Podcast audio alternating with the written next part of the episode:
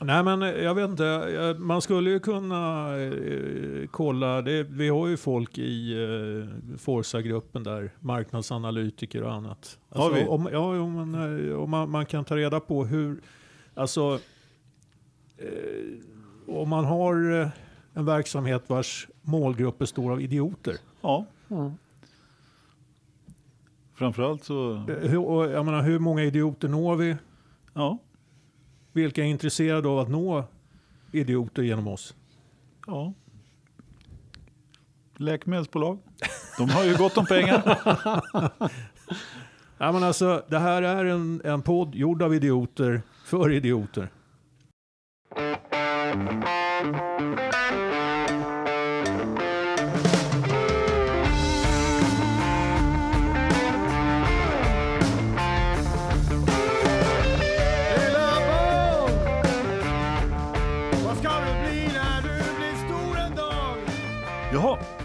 Då kör vi igång. Välkomna till Forza-podden avsnitt 22. Tack. Varsågod. Tackar, tackar. Eh, idag har vi eh, en panel bestående av eh, Ola Lennström till exempel. Korrekt uppfattat. Mm. Vad har du gjort sen sist? Eh, Jag har inte tittat, jo jag tittade på USAs GP-racet. Jag skippade alla träningar, jag skippade kvalet, det var jätteskönt. Ehm, jag har inte gjort så himla mycket. Försöker komma på. Nej, Nej. nej, det har varit en vanlig, vanlig vecka. Ja. Jag har inte ens några roliga resegrejer att berätta om att jag har packat någon väska och packat upp den igen och gjort sånt där. Ens det kan jag berätta. Ingen logistik med andra ord. Ingen logistik Nej. överhuvudtaget. Har du tvättat hemma kanske? Ja, det har jag gjort. Ja. Jag har tvättat hemma, faktiskt. Hur visste du det? Vilken bara grej. kolla. Ja. Ja. Ja. Ja. Ja. Tärnström då, har du tvättat? Eh, nej, vi har, eh, vi har en eh, annan sorts arbetsfördelning hemma. Ja, där, eh, jag gör det som jag är duktig på Jag förstår. och frugan gör det hon är bra på. Och sen eh, så får man liksom göra lite avstämningar där. Nej, men Okej. jag brukar, eh, jag brukar laga mycket mat. Ja. Det är min, eh, mitt bidrag hemma och sen så mm, dammsög jag övervåningen. Jaha, se där. Det- Du, det- är, du det- bättre det- på damm, är du bra på att dammsuga övervåningen men dålig på att dammsuga undervåningen? Som du bara... Det var, det var övervåningen som blev över. eh, nej men eh, alltså har det va- varit sån här eh, städdag i, i samfälligheten där alla varit ute och krattat eh, löv och Åh. så. Som jag saknar dessa städdagar i samfälligheten. Har du asfalterat det? Är det asfalt på din nya tomt eller vad? Nej, det är mycket gräs där faktiskt. Inga, inga löv? Eh, väldigt mycket löv. Ja. Fast eh, vi har också en arbetsfördelning i min familj som säger att jag sköter det inomhus och min fru sköter det utomhus. Aha, okej. Och nu har vi bytt, bytt upp oss till tio gånger större tomt så jag lär väl inte se henne nu. Nej, men hon gillar att hålla på med trädgård och sådär. Ja, precis. Ja, ja, ja. ja, men det är samma, samma hos oss. Jag är oerhört tacksam för att det är någon som... Eh, Du har ju en sån stor radhustomt på 114 kvadrat. ja, den, stor är den inte, det kan jag ju säga. Men, eh, och det är väl skönt på ett sätt. Ja, eh, välkomna till Trädgårdspodden. Eh, vi tänkte... Jag då, som inte har någon trädgård. Nej. Har du en balkonglåda då? Ja, den är fylld med regnvatten. Det brukar vara det. Hur, hur, hur fan ska vi komma härifrån? Jo, till- jag, jag, till, eh, jag Det ju inte- fiff, fixar en åsnebrygga, lugn och fin. Här Det är bara. inte vårt problem, det Ja, är ja, programledarens ja, ja, ja, uppgift. Så här, precis. Det, det bara tog, med. inte många sekunder innan det spårade ur. Det, Ja. Jag brukar göra det. Det Ja. brukar jag göra. Nej, men jag skulle bara presen- inte presentera Jakob också. Han är som vanligt på avbytarbänken. ja. Jag känner eh, faktiskt till lite om hans trädgård också. Han brukar ju, ha en, han brukar ju prata om att han har en pool där som han ska tömma. Eller som frun tömmer med Frun ska Ja, tömma. ja, ja, ja. Just det, just det. Ja. Men, men det är ju lite kul, tycker jag. Eller kul, men eh, eh, Jakob bor ju i Västerås. Som ju blev... Eh, Sveriges näst fulaste ja, stad. Sveriges näst fulaste stad efter Borlänge. Ja.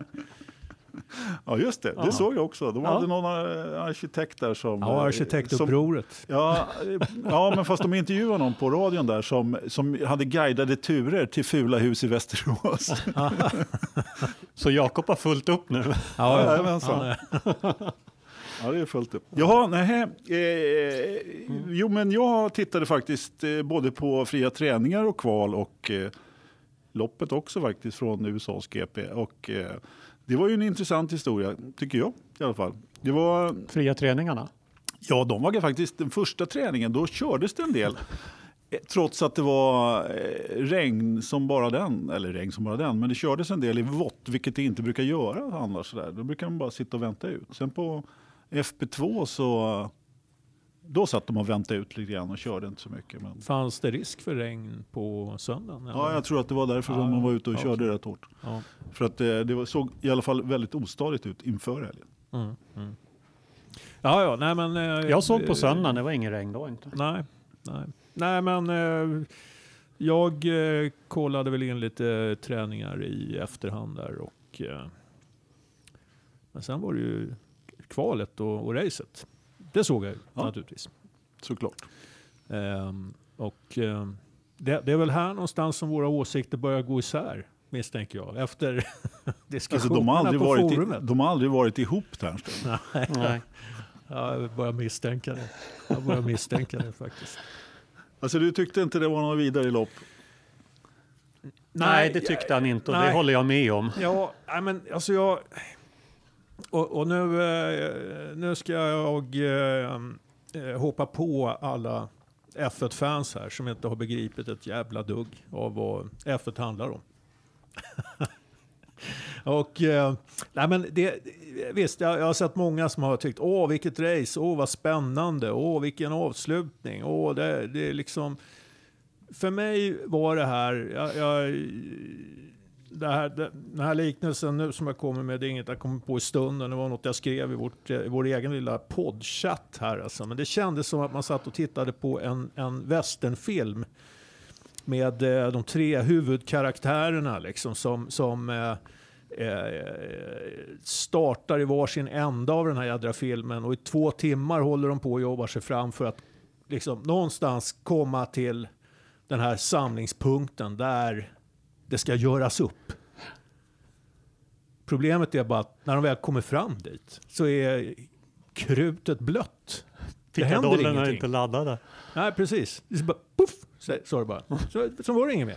Och inte, De hade, de hade liksom ingenting att göra upp med. Och, och, och det är inte mycket till västenduell när man måste kasta Nej. pistolerna på varandra. Nej, det, det blir var- ju ett kast var och det blir inte särskilt dramatiskt. Ja, men jag tyckte det var ett eh, antiklimax. Och, och eh, beroende då, tror jag, dels på att eh, Kimi och hans Ferrari så pass, var så pass mycket snabbare än Jos Verstappen att han kunde hålla liv i sina däck tillräckligt länge. Och Jos, han liksom nådde ju inte riktigt framför och, och att, att pressa Kimi.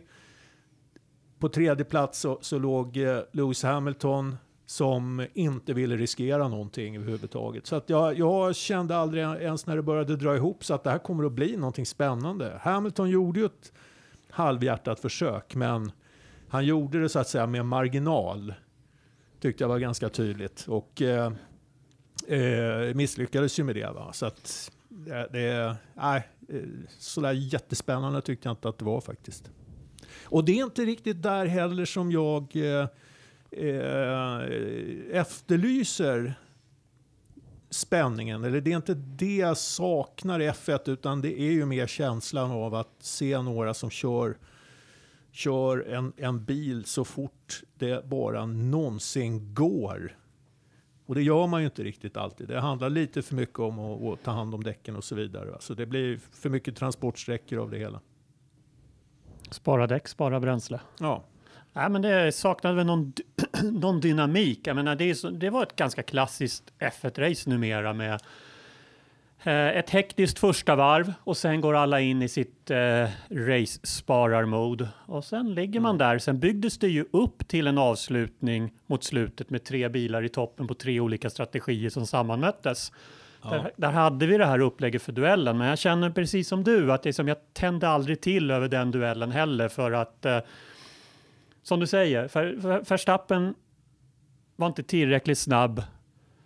När han fick DRS-läge på Kimi så var det snarare att han kunde försvara sig ytterligare mot eh, Hamilton, inte att han kunde attackera på, Nej, på Kimi. Han hade dessutom supersoftdäck som han skulle ta hand om eh, för att få dem att räcka till mål. Kim hade softdäck som vi såg betedde sig när de väl klev över gränsen så dog de ju helt, vilket Hamilton upplevde och Hamilton hade en VM-titel närmast i sin hamn så han tog inga onödiga risker. Så det var liksom duellen Mm. som aldrig blev av. Ja. Och resten av loppet upp till dess var ju inte sådär jätteupphetsande tyckte jag. Så att jag var satt där med men Alltså- frågan är om de här känslorna som vi såg en del uttryck, att det kanske snarare berodde på att Kimi vann än att det var ett klassiskt lopp. Och så blir man färgad av att loppet måste ha varit helt fantastiskt som underhållning för Kimi vann. Ja, eller också så är, är det så att publiken är så understimulerad på något vis. Att, Ja. att eh, man, man, eh, man, man har inte sett något riktigt bra race på så länge så att det här... Ja, man hyllar det kanske lite, lite väl mycket. Jag, jag, jag säger det egentligen bara för att jag, jag tror och tycker liksom att eh, Formel 1 ska... Det, det, här, det här var liksom på något sätt lägsta nivån för vad F1 ska, ska bjuda på. Liksom. Det, var inget, Ja. det var absolut inget dåligt lopp, äh, inte så. Men, eh, men eh, jag, eh, jag är ju inte lika lyrisk som många andra. Jag kan väl tycka det att, eh, det, precis som ni säger, så var det ju upplagt för en eh, rafflande duell på slutet som egentligen inte blev av.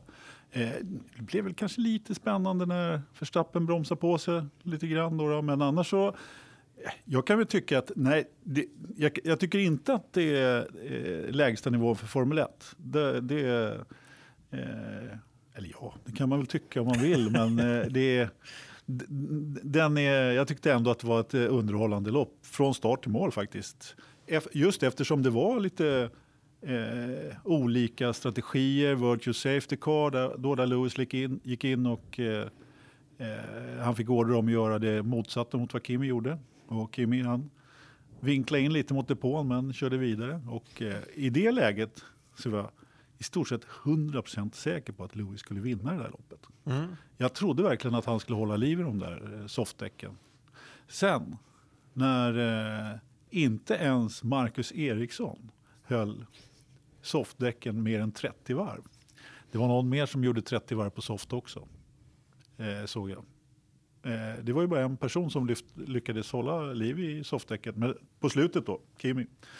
Han eh, körde ju 30, ja, vad det var, några, några och 30 i alla fall. På dem. Men eh, annars måste jag säga att eh, underhållning, men annars så, eh, jag håller med båda om att det kan ha varit så att man är understimulerad på, för att det har varit, det har varit tråkiga lopp här fram, för ett Ja, tag. Så det har det definitivt varit. Och dessutom så var det kanske lite krydda då att Kimi vann och det gör väl ingenting. Nej. Det var ju alltså att folk tycker det är kul och Ja, ja. han är ju väldigt poppis både här och där. Så, att, eh, och det, så det är ju klart att det är ju en viss krydda till loppet. Men visst kan det vara så att då känns ju loppet bättre om ens favorit eller någon som inte har vunnit på länge. Nej, men det var, det var ju lite en uh, solskenshistoria där Kimi fick vinna. Och, eh, ja, precis. Vi har, vi har ju... Ja, vi sa ju det tidigare i, Ja. i våra poddar att eh, det kanske blir en seger för honom innan säsongen är över.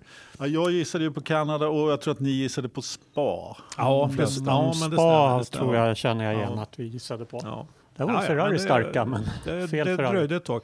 Det som är, kanske bidrar lite grann till att, eh, att jag inte upplevde den här riktiga dramatiken är ju liksom att mästerskapet är, är ju mer eller mindre avgjort och sen så när Vettel eh, återigen kastar bort liksom det sista halmstrået som han har Eh, och, och på det viset, va, då, det, det blir lite... eh, Då, det hade ju kunnat bli en helt annan nerv om, om Vettel hade varit med där uppe. Ja, oh ja, alltså. oh ja. Eh, och nu blev det ju inte så. Och, och i efterhand så kan man ju se att eh, ja, han hade ju kapacitet att vinna det här racet. Om, Ja. om Kimi nu eh, kunde vinna så, så hade ju Vettel kunnat göra det. Mm. Det är ingenting att snacka om. Och, eh, det, det, det känns också lite sådär antiklimaktiskt liksom när, när eh, ja, det som ska vara utmanaren till Hamilton alltså är, han är faktiskt han är fruktansvärt dålig just nu alltså. Till och Så med innan Ross. vi går in på Fettel så är det här med an, lite antiklimax. Jag, menar, jag tycker det säger en del om reaktionen. Kanske det vi upplever nu också i F1 när förarna, när Verstappen och Hamilton och Kim i avkylningsrummet Ja, ja. pratar. Jag menar den här klassiska, klassiska, men frågan från Kimmy. Vann du mästerskapet eller hur blev det? Nej, jag vet inte, säger han. Alltså, inte, nej, inte ens han som håller på att slåss om mästerskapet är lite så här, nej, jag vet faktiskt inte om jag vann mästerskapet inte. Ja. Lite undertonen av, det kanske är bäst att kolla upp det. Jag tror att han visste det. Ja, det tror jag också, men Ja. det är lite det här, ah, alltså. Jag vet inte om det var Verstappen som sa det där eller om jag, om jag läste det efteråt. Att han hade ju eh, kommenterat sin batalj med Lewis också. Och Lewis var ju extremt försiktig. Vilket ju naturligtvis Ja. gjorde att, den här, eh, som, att det blev ett antiklimax på slutet där även om de var nära varandra. Men så Verstappen sa ju någonting i att ja, men du hade nog kunnat trycka till lite hårdare där. Eller någonting i den stilen sa han ju till Lewis. Så att, Ja, ja eh. Ja. Ja, Ja. Så att, eh, han tyckte att det var lite, lite vekt. Ja, nej, men, Sen har ju Verstappen kört till sig ett rykte av att vara den Ja, ja. sista som ges i en race-situation, lite som Kevin Magnussen. Så Jo. att när man kliver in där så är man ju försiktig i normala fall och det är ju ganska var- smart av Verstappen för att alla är lite försiktigare i fighterna mot honom så han har en halv upp redan när fighten börjar. lite, han har ju kört lite Sennas eh, strategi där. Att, eh, Mm. Det kommer att kosta om du ska om mig. Ja, precis. Bara trycker av dem de första gångerna så de passar sig sen. Liksom. Ja. Det, det har ju varit hans signum lite grann. Ja. Men, eh, Fettel, Vettel, det var där vi... Ja, alltså, fel. Jag vet inte om det finns så mycket mer att säga, men, men han är ju helt under isen. eh, Mm. Han sa själv efteråt att han hade haft eh, möjlighet att slåss om segern. Liksom. Det, ja. Ja, ja, Det är jag tycker att han, eh, han tappar ju där redan på lördagen. Ja, ja. Ja, Eller ja. vad säger jag, inte på lördagen utan på, eh, det var på fredagen. På fredagen. När han eh, under röd flagg körde för fort och Ja, ett ja, exakt, larvigt exakt. misstag. Och, ja, ja. Så att, Nej, men det, är eh, mycket, det har ju varit väldigt mycket, eller väldigt mycket, men det har varit flera sådana här små misstag och klantigheter och ofokuserat. Precis. Jag, man kan säga vad man vill, vill om Vettel och det brukar vara populärt att kalla honom för överskattad världsmästare och rena med andra. Jag hävdar ju fortfarande att han som förare och världsmästare är en av dem en riktigt, riktigt bra förare. Så att det vi ser nu är ju inte ett bevis för att Vettel inte håller måttet när det gäller. Jag skulle nog säga att det här är någonting utöver det vanliga Ja. som vi ser från Vettel. Och jag blir inte ett dugg förvånad om det kommer att krypa fram. Och det har gjorts lite antydningar redan om att det är andra saker utanför bilen som påverkar honom till att göra sånt här. Och jag vet du Ternström har ju varit inne på att det är saker hos Ferrari som påverkar honom. Jag kanske mer lutar åt att det är saker utanför racingen som har påverkat honom Ja. till att, för att det är inte, oavsett vad man tycker om Vettel, det här är inte den typiska Vettel som vi är vana att, vana att se. Nej, det skulle absolut kunna vara, eh, det, det kan ju vara någonting privat, det vet Mm. vi ju ingenting om. Men, men jag tror eh, allt det här som har hänt i Ferrari under året med, där, där jag antar att, att eh, Marchiones eh, död också har utlöst någon sorts politiskt maktspel Mm. inom Ferrari har eh, påverkat situationen. Och, eh, och det, det, det har vi varit inne på förut att eh, Vettel kanske också känner att eh, förtroendet för honom hos Ferrari inte riktigt finns där och att man, man vill säkra upp med, eh, Mm. med Leclerc va, som ska, ska vara arvtagaren på något vis. Eh, det, det dyker ju också upp rykten. Eh, vi har satt, gjorde något inlägg här, jag har inte kunnat hitta källan till det för jag orkade inte gå in och, och kolla på deras 40 sekunder reklam. Eh, men att, att det italienska medier spekuleras i att, att eh, Vettel skulle på något sätt eh, tvingas bort från Ferrari. Samtidigt vet vi att det är så här det är att köra Ja. för Ferrari. Det här är den pressen Precis. som Ferrari-förare har som man inte har i ett annat toppteam. Att ett dåligt race så är man avsatt i Gazettan dagen efter och Ja. ett bra race då slipper man betala fartböter när man blir stoppad av italienska polisen på autostradan. Alltså det svänger väldigt mycket. Och, jo, så att Men italienska tror, eh, rykten... Det, det, jag menar, jag håller med. Men- Men, eh, jag tror att oa- oavsett vad som ligger i ryktena, så bara det att, att ryktena börjar florera, Absolut. de kommer inte bara från italienska medier. Så, de kommer ju även från Forsas podd till exempel. eh, så, Som är en mycket trovärdigare källa. Ja, och exakt. Och vi vet ju att Fetter lyssnar på den här podden. Och när han får höra sådana här spekulationer så är det klart som fan att det här eh, sätter sina spår i psyket hos honom. Ja, Nej men allvarligt. Klart, Alltså det, klart det- killen blir ledsen. Jag tror att han har börjat känna marken gunga lite.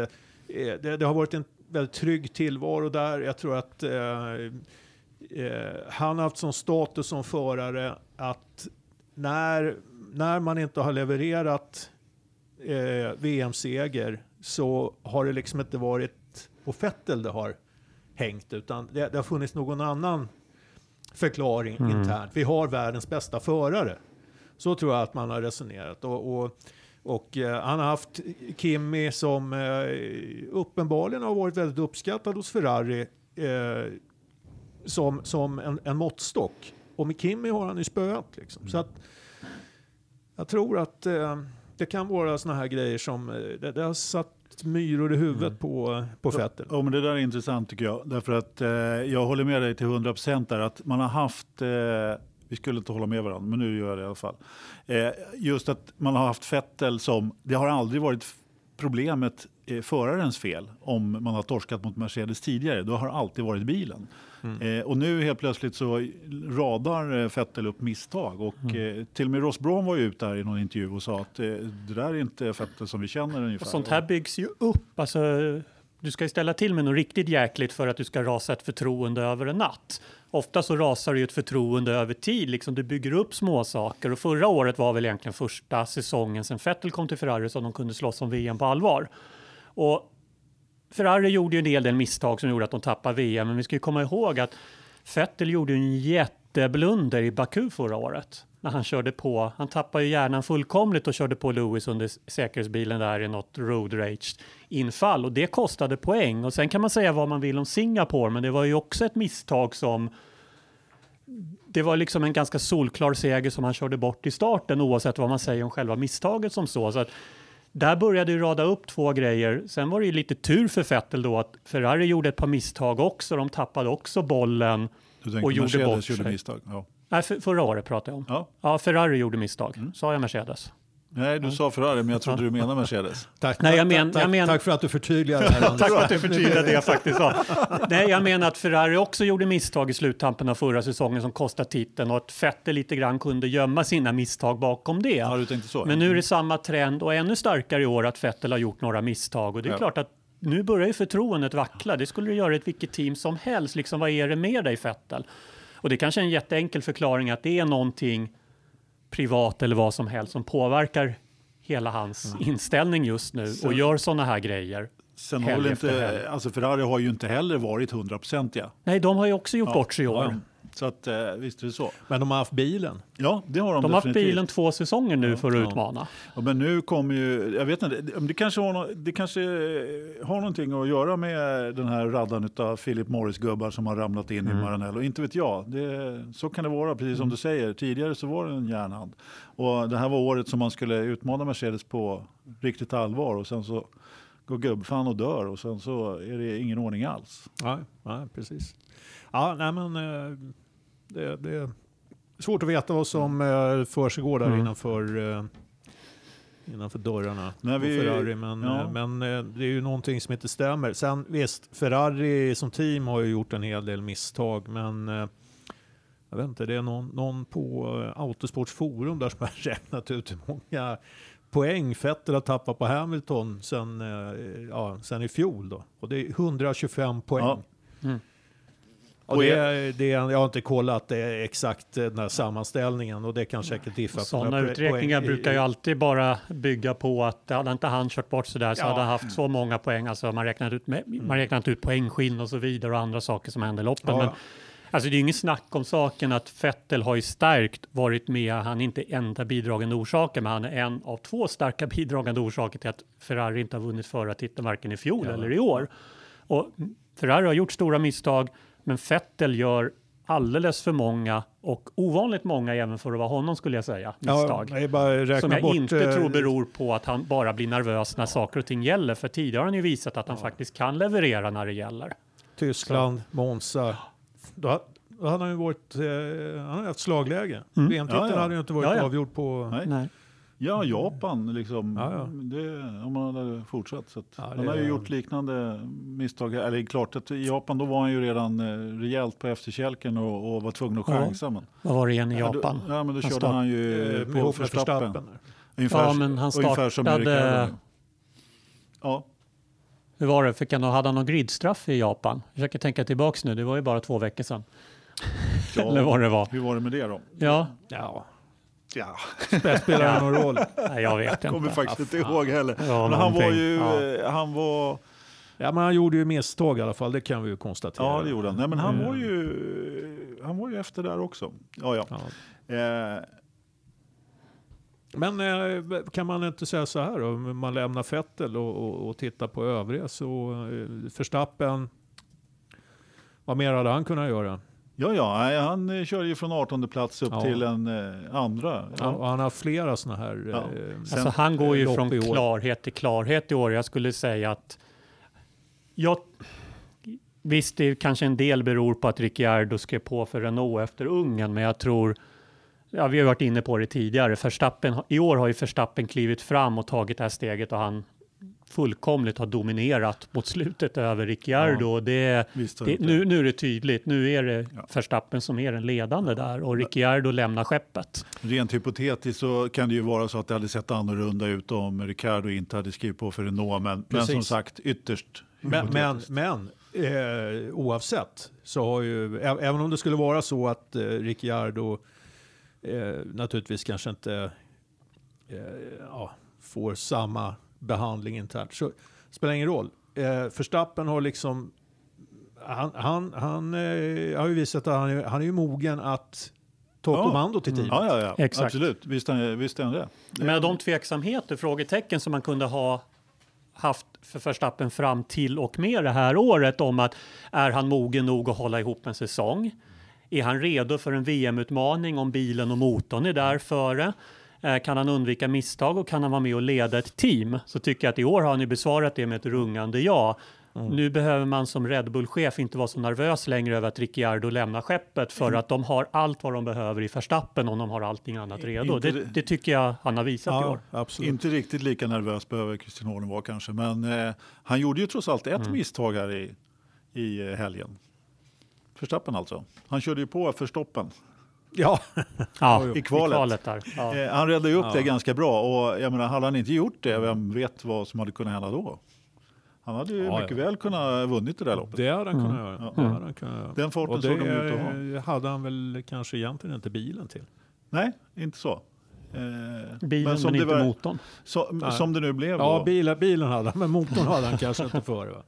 Ja, men eh, det var ju många som pratade om det just för att det var, att det var så mycket blött på träningarna där. Mm. Att, eh, man hade ju inte datan och förberedelserna var ju inte optimala eh, inför loppet. Så att, eh, det blev lite omkastningar på, på grund av det. Ja, till, vi har till och med så att Ross Braun har varit ute och snackat om att eh, ja, men man kanske skulle eh, begränsa tillgången till data. Liksom. Men ja, jag, jag, jag tror ändå att det är så att eh, Ja, det kanske blir lite mer varians.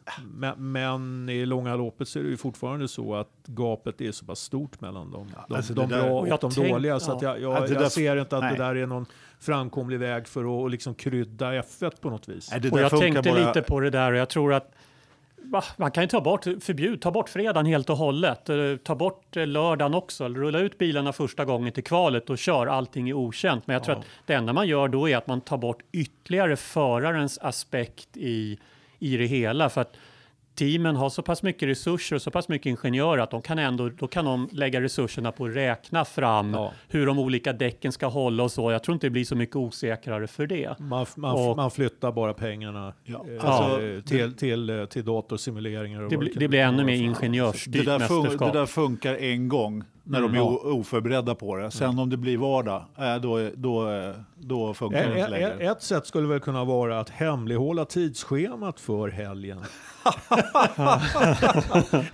Så att te- teamen får det i näven när de kommer till banan. Men det Liksom. kändes ju nästan lite som Ja. de hade gjort i USA här nu också. För Ja. att eh, när kvalet gick klockan 11 och... Ja, det var jävligt underligt. Men, men då, ja, precis, och då blev det så att, eh, hörni grabbar, eh, den här helgen så, eh, så börjar ni med racet och sen avslutar vi med fri träning på, på söndag.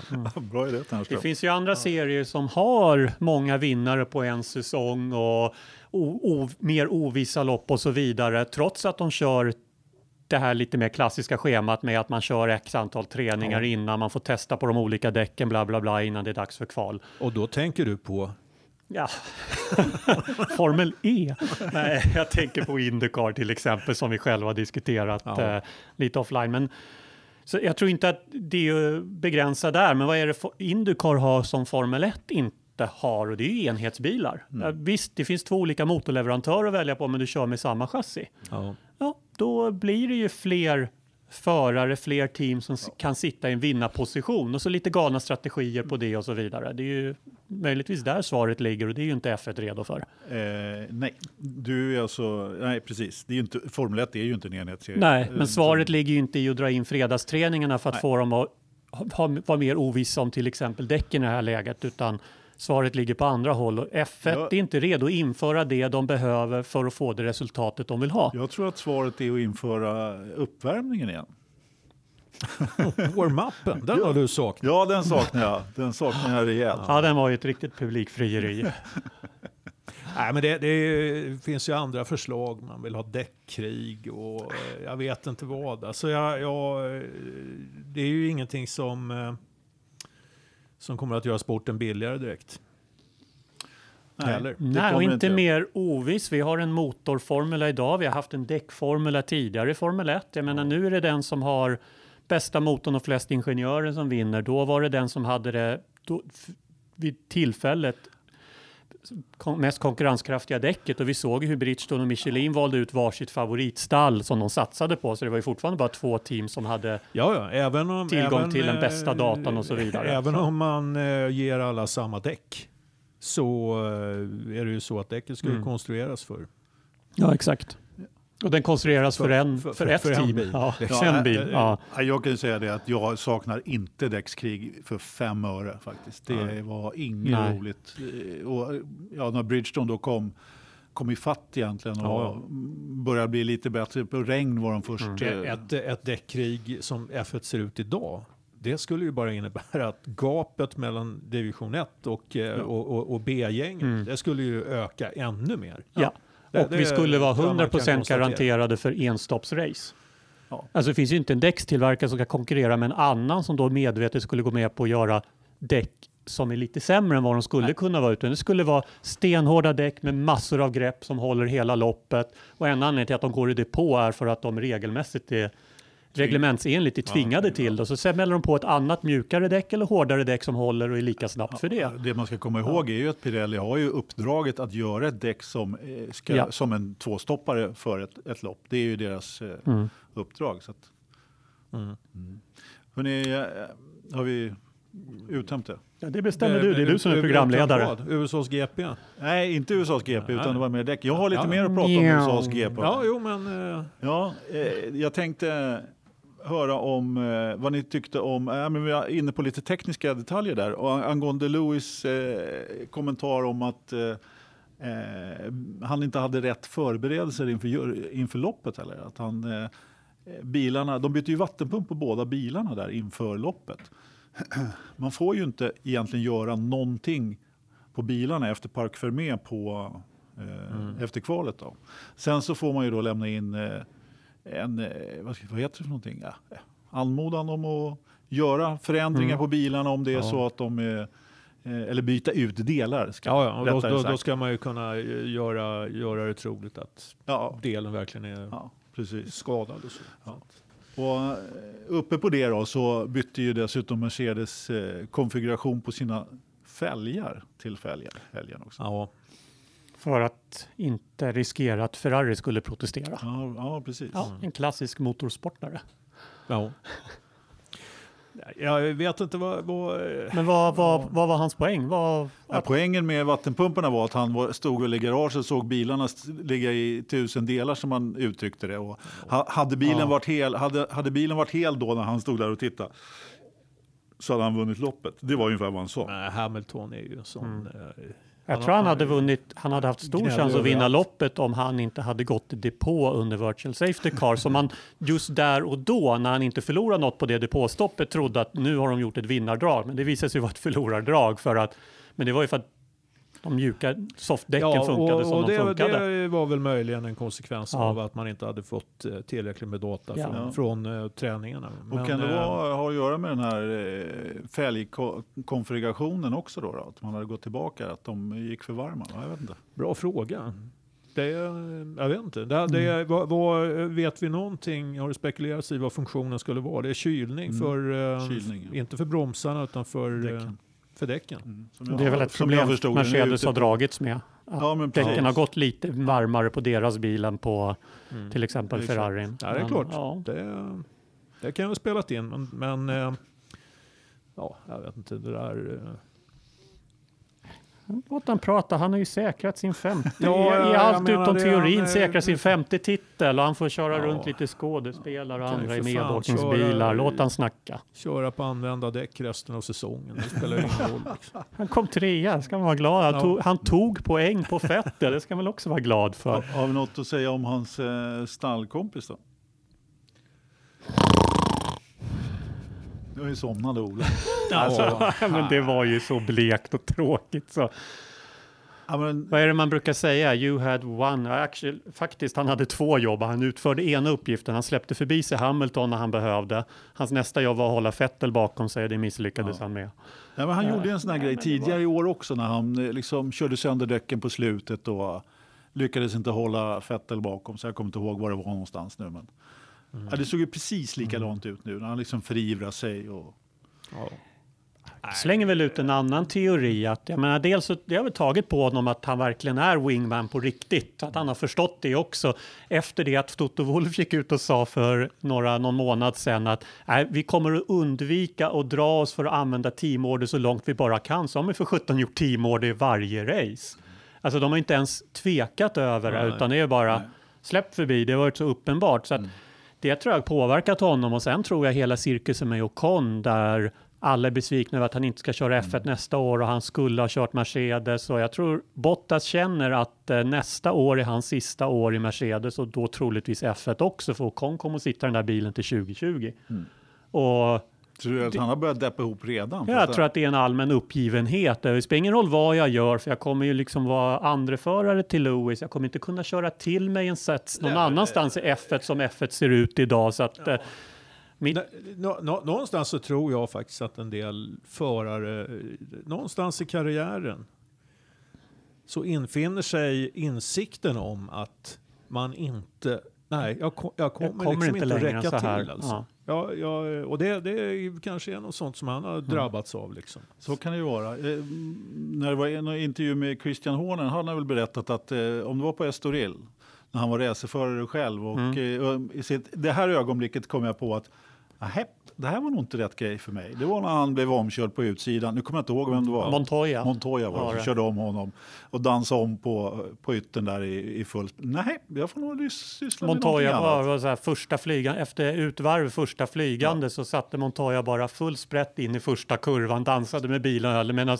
Horner kände jag behöver mer tid på mig för att kunna hålla den farten genom kurvan. Och där och då, jag ska nog inte köra mer.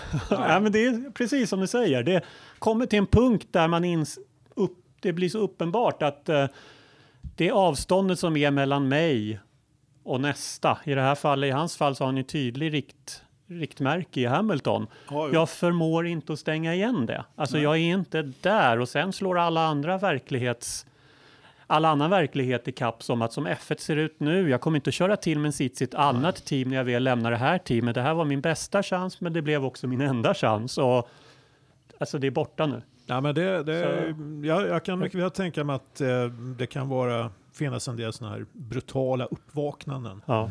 hos en del förare. Och jag tror Vettel till viss del också haft i år beroende på vad som beror. Men han har ju uppenbarligen sett att när jag fightas i en hyfsat lika snabb bil som Lewis Hamilton.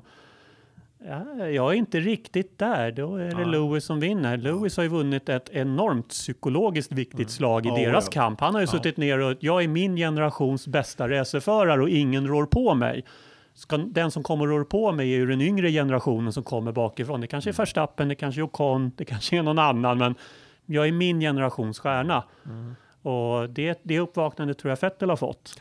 Men, och jag eh, tror Bottas har fått det på ett annat sätt. Ja, jag tror, alltså, och det där, det där är nog rätt intressant, men man, man läser väldigt lite och hör egentligen ganska lite om det. Man, ibland, ibland så tycker jag att man kan eh, eh, höra resonemang av den här eh, stilen när, när det handlar om förare som har fått lite distans till, eh, Mm. till sin egen karriär. Mark Webber är ju ett sånt exempel. Ja, till ja. exempel, som insåg att Ex- Exakt. jag räckte inte till. Coulthard är ett jättebra exempel. Ja, ja. Som har gått ut många år efteråt och sagt jag, jag fattade att Häckenen hade ett övertag på mig jag aldrig kunde knäppa igen. Och, där är, och jag tror Gerhard Berger eh, skulle nog säga Ja. detsamma. Ja, oh, Ja. ja. Eh, Barrichello, Massa. Ehm, Och, Och- för övrigt då när jag tittade på nästa lopp då så ser man ju eh, vad Bottas gjorde med massa i Williams några, i, ja, rätt ofta skulle jag vilja påstå Ja. i alla fall. Förlåt, jag avbröt. Ja, jo, nej, nej, det, Mm, du hade inga fler är helt exempel. okej. Men, men jag tror att skillnaden där är att en del av de här förarna förlikade sig med det faktumet. Mm. Och eh, i, istället för att eh, eh, vad ska man säga, eh, misströsta över att de aldrig skulle bli världsmästare så bestämde de sig för att liksom, ja, men fan, jag, jag, jag ska jävlar mig bli bäst på att vara tvåa. Mm. Och, och, och det kan räcka riktigt långt. Det kan räcka till, säga- till en VM-titel också. Men, men, men börjar man misströsta och, Mm. och no, börjar navelskåda och sådär eh, allt för länge och låter det påverka ens eh, prestation, som det kanske gör då i, i Bottas-fallet, ja, då kan ju ka karriären ta helt jävla Mm. slut. Va? Men det där har ju du en obetald faktura skickad för. Så att, Ja, och Men jag tror ju- jag, jag tror inte att jag kommer få betalt för den heller som det ser ut just nu. Jag tror att Coulthard till exempel, jag tror aldrig han förlikade sig med det under sin karriär. Jag tror att det kom till honom när han var klar, när han fick distans till det. Det är möjligt. Jag skulle säga, det slog Ja, men- mig en sån som ja. Patrese, tror jag var en sån förare som förlikade sig med det under sin karriär och insåg att Ja. ja, men nu har jag hittat min nivå, men den här nivån kan jag faktiskt jobba och leva på ganska bra i rätt många år till i den här cirkusen. Ja, det stämmer nog. För att eh, när jag tänker tillbaka på de åren Coulthard körde så eh, det, jag har svårt att Mm. minnas ett år då, då inte det fanns ett omslag på F1 Racing där, där han eh, förklarade att det är mitt år i år. Ja. det, var alla, det var alla år var Coulthars år. Ja, Och, ja. och Webber under sin karriär, jag menar, han, han tog ju till allt vad han kunde för att slå Vettel, men nu när han har lagt av Ja. så har han ju sagt, ja, men jag insåg ju, nu har jag insett liksom, jag räckte inte till som förare. Jag, jag, men jag tror, de gjorde det inte under sin karriär, men det kom efteråt, Mm. Ja. insikten. Ja, i vissa men fall så- Patrese slår det mig, det är nog en sån som kanske insåg det under sin karriär. Att, Ja, ja.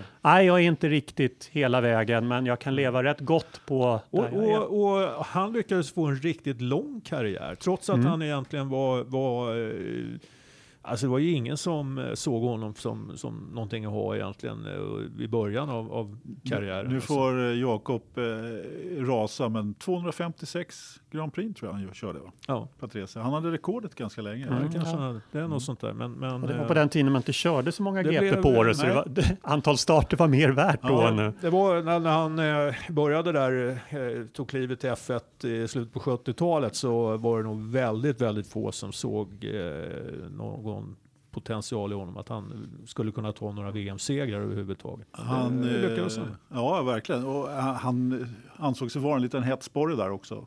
Ja, ja, precis. Men eh, Mm. som sagt, det, det, det gäller att eh, gilla läget och inse när eh, man har nått taket för sin egen Ja, utveckling och sen Mm. försöka maximera det i så Mm. fall. Absolut. Alla har inte gjort det. Nej, nej, men så är det. Det är inte så lätt när du är aktiv Nej. idrottsman. Du lägger ner lika mycket arbete Ja. som den som är några tiondelar bättre, snabbare eller någon halv sekund snabbare på 200 meter eller vilken idrott det än är. Du lägger ner lika mycket tid och träning och slit och svett, kanske ännu mer. Ja. Och då förlika sig med tanken på att jag är nog inte riktigt lika bra och kommer aldrig kunna bli det som den där borta. Nej. Det är inte lätt att göra det under karriären. Nej, verkligen inte. Eh, Nej, I synnerhet inte. Det här är ju lite speciellt. För att, jag menar, om du är sprinter och, och ska tävla på 100 meter. Så dopar du dig? Nej, Ja, det var ett ja, annat det, ämne. Ja. Det, det, det, det, det kommer att stå väldigt, väldigt klart väldigt tidigt i Ja. din karriär. Mm. Om du överhuvudtaget kommer liksom att, vilken nivå, om du Ja. kommer att kunna vara med och, och slåss om medaljer eller inte. Ja, ja. Men där är det ju många, de, de fortsätter ju ändå, även fast de eh, kanske aldrig kommer under 10 sekunder. Va? nej, men de vet ju att de kan ju vinna en finkamp eller Ja. ett EM-brons. Men Eller? det fin- Mm. där finns inget material att skylla på. Nej. Man har inte suttit i en, i, man har inte haft dåliga skor. Det är inte där, eh, det, det, det är inte det det har hängt på. Va? Så att eh, Nej, motorsporten har den exakt. här... Man, gömmer, man kan gömma sig Exakt. bakom materialet väldigt lång tid. Men förr eller senare så inser man ju att det finns någonting annat också som Ja, ja, inte precis. räcker till. Apropå materialet, när vi pratar eh, Ricardo Verstappen där borta, så eh, Ricardo han drog ju till en eh, rak höger på en imaginär Renault-motor i motorhomet också. Och lappade sönder väggen där i ilskan också. Det, det var, tycker jag var intressant eh, eh, vredesyttring. Men vad, vad, alltså, vad, vad riktade sig ilskan mot? Eh, Du kan inte svara på, alltså väggen i hans förarrum. Ja, ja, ja, ja okej. Ja, ja. Ja, ja, ja. Han ville slå ner väggen. Ja, men jag, jag uppfattar det Riva barriärerna. eh, nu vet man ju inte vad det var för fel här. Alltså ett rent elektriskt fel behöver ju inte ha med Renault att göra. Nej. Så att, eh, men han var väl bara besviken. allmän- Men det är klart att- Allmän Men- frustration. Ja, men riktigt, ja, men då har det gått ganska långt. Eh, Men han kanske är den typen som eh, drar näven i väggen och sen så är han glad sen. Så Ja. säga. Han är ju jämt glad nästan. Men där är ju också, men jag tänkte hans situation nu. Han har ju tagit ett aktivt eget Ja. beslut att lämna Red Bull för Renault. Han är ju inte dum, han är inte dummare än vad vi är. Vi är ju riktiga idioter som sitter här och vi ser ju hur enormt avståndet är idag mellan till exempel Renault och Force India upp till de tre toppteamen. Det är ju ingenting som man stänger på ett år. Jag tror inte det är någonting man stänger på två eller tre år. Samtidigt ser han Verstappen gå från klarhet till klarhet och har den här kanske naggande tanken. Tänk om Honda har hittat det till slut. Tänk om Honda är bättre än Renault. Liksom, tänk om Verstappen är med i titelfighten nästa år och jag sitter Ja. och slåss med Hulkenberg om en sjunde, åttonde plats. Eh, Precis. Och gre gre grejen är ju Tänk att... då eh, den tanken gnagande och så kommer lite sådana här eh, brutna race på toppen av det. Jag tror frustrationen kokar på Mm. hos vem som helst. Och, och sen har du Renaults, har jag gjort? eh, Renaults teamchef Cyril Abiteboul Ja. som säger att eh, Nej, men vi, eh, vi, eh, kommer, vi har inte resurser att hänga med Honda. Det, är liksom, vad fan. Det var inte så. Jag, vet, jag, jag förstod Mm. inte riktigt på det där jädra uttalandet. Liksom. Vad, vad ville han med det egentligen? Vad ville han ha sagt? Han ville synas i en rubrik igen. Det är väl, Ja, kanske det. Men, Nej, men jag tror alltså Ricciardo är ju, måste ju vara i en situation som är ganska frustrerande nu. Att eh, hans karriär kan ju vara på väg in i en återvändsgränd snarare än att fortsätta uppåt som den har gjort. Samtidigt så han hade ju inget val egentligen. Han hade ju om... Nej, stanna så här- kvar hos Red Bull. Ja, Ja. Men det var inte så att han var motarbetad där på något vis. Det var ju inte en miljö han behövde försvinna ifrån på annat sätt än att han tyckte att han hade varit där för länge. Men eh, Nej. det var ingen i teamet som ogillade honom, Nej, nej. aktivt arbetade mot honom och inte, inte ens teamkamraten var det bråk med. Nej, trots att men- det var en rivalitet. Nej, men, men så här, i efterhand, nu så ser det ju nattsvart ut. Mm. Eh, för bo, ja, eh, Renault har, har ju inte alls eh, liksom, eh, kommit igen på det sättet som man egentligen, i den kurvan som man kanske skulle önska, eller han skulle önska i alla fall. Så, så jag kan ju tycka att eh, fortfarande så tror jag att han skulle ha gjort samma sak om det var eh, om man skulle ta beslutet idag. Det, det, det hade nog gått så långt. Eh, och jag menar, han funderade ju på det ganska länge. Och det var det ena kontraktförslaget efter det andra och så vidare. Så att, eh, ja, ja. Nej, men säkert, han kanske skulle fatta samma beslut och det är kanske där frustrationen kommer. Att han har, vad ska han göra av det här? Kanske hans bästa chans till att ha en F1-karriär i framtiden nu som är värt någonting är att Vettel gör en, Terns, gör en Ternström-förutspåelse och eh, eh, liksom blir utkickad eller lägger av redan efter nästa år. För jag tror ju inte det sker i vinter. Nej. Jag är ledsen Ternström, Ja, jag men tror, jag tror att det, din haka blir inslagen där. Men Ja, men- definitivt i 19 och då kanske Ricciardo har en chans till en Ferrari-sits eh, ihop med Leclerc. Ja, ja, men, Eh, t- tänk, tänk, om, tänk om Vettel skulle lägga av till nästa år och den där Ja, Ja, men liksom, Då är det många väggar som ryker. Och- ja, då, han hade ju varit rätt givet val kan jag tycka i det läget. ja, men det var ju som att sitta och vänta på att skriva på ett kontrakt för kanske väl lägger Nico Rosberg av och det blir en ledig sits hos Mercedes. Det är så- oförutsägbart så man kan inte... Ja, men eh, anledningen till att jag inte tror på Nico, det är, eller vad säger jag på Nico, på, på Vettel att han ska lägga av, det är ju för att jag gillar ju verkligen eh, Rosbergs beslut när han gjorde det. Det var ju liksom, mm. Ja men det är så man slutar liksom. Ja, Det men är- han var, ja. Ja, och det, det är därför som jag inte riktigt förlikar mig med att eh, Vettel bara drar ut från sidan. Nu skiter jag i det här. Nej, det är klart. eh, Jag Nej, men menar, inte eh, till 19, men f- alltså kommer han inte... Kom, kommer han inte på nivå med sig själv och tycker livet är kul igen och slutar göra de här misstagen och så vidare så kan han ju mycket väl i sam, i samförstånd med Ferrari vill lägga av efter nästa år. Garant, får Ja. han spö av Leclerc, då, Ja, då, eh, då tror jag då också lägger han ju ja. av. Liksom. Det, det, då, då har jag svårt att se eh, att de ens vill ha kvar honom med Ferrari. Ja, eh, Nej. nej. Ja, det beror, ju- det på sättet han får spö Ja. av Leclerc på. Det Absolut. är klart, Alltså, är de får han spö... tvåa i, i mästerskapet Ja, när det- säsongen 2019 Ja. är över, då, då kanske... Ja. Han kanske blir en bra wingman.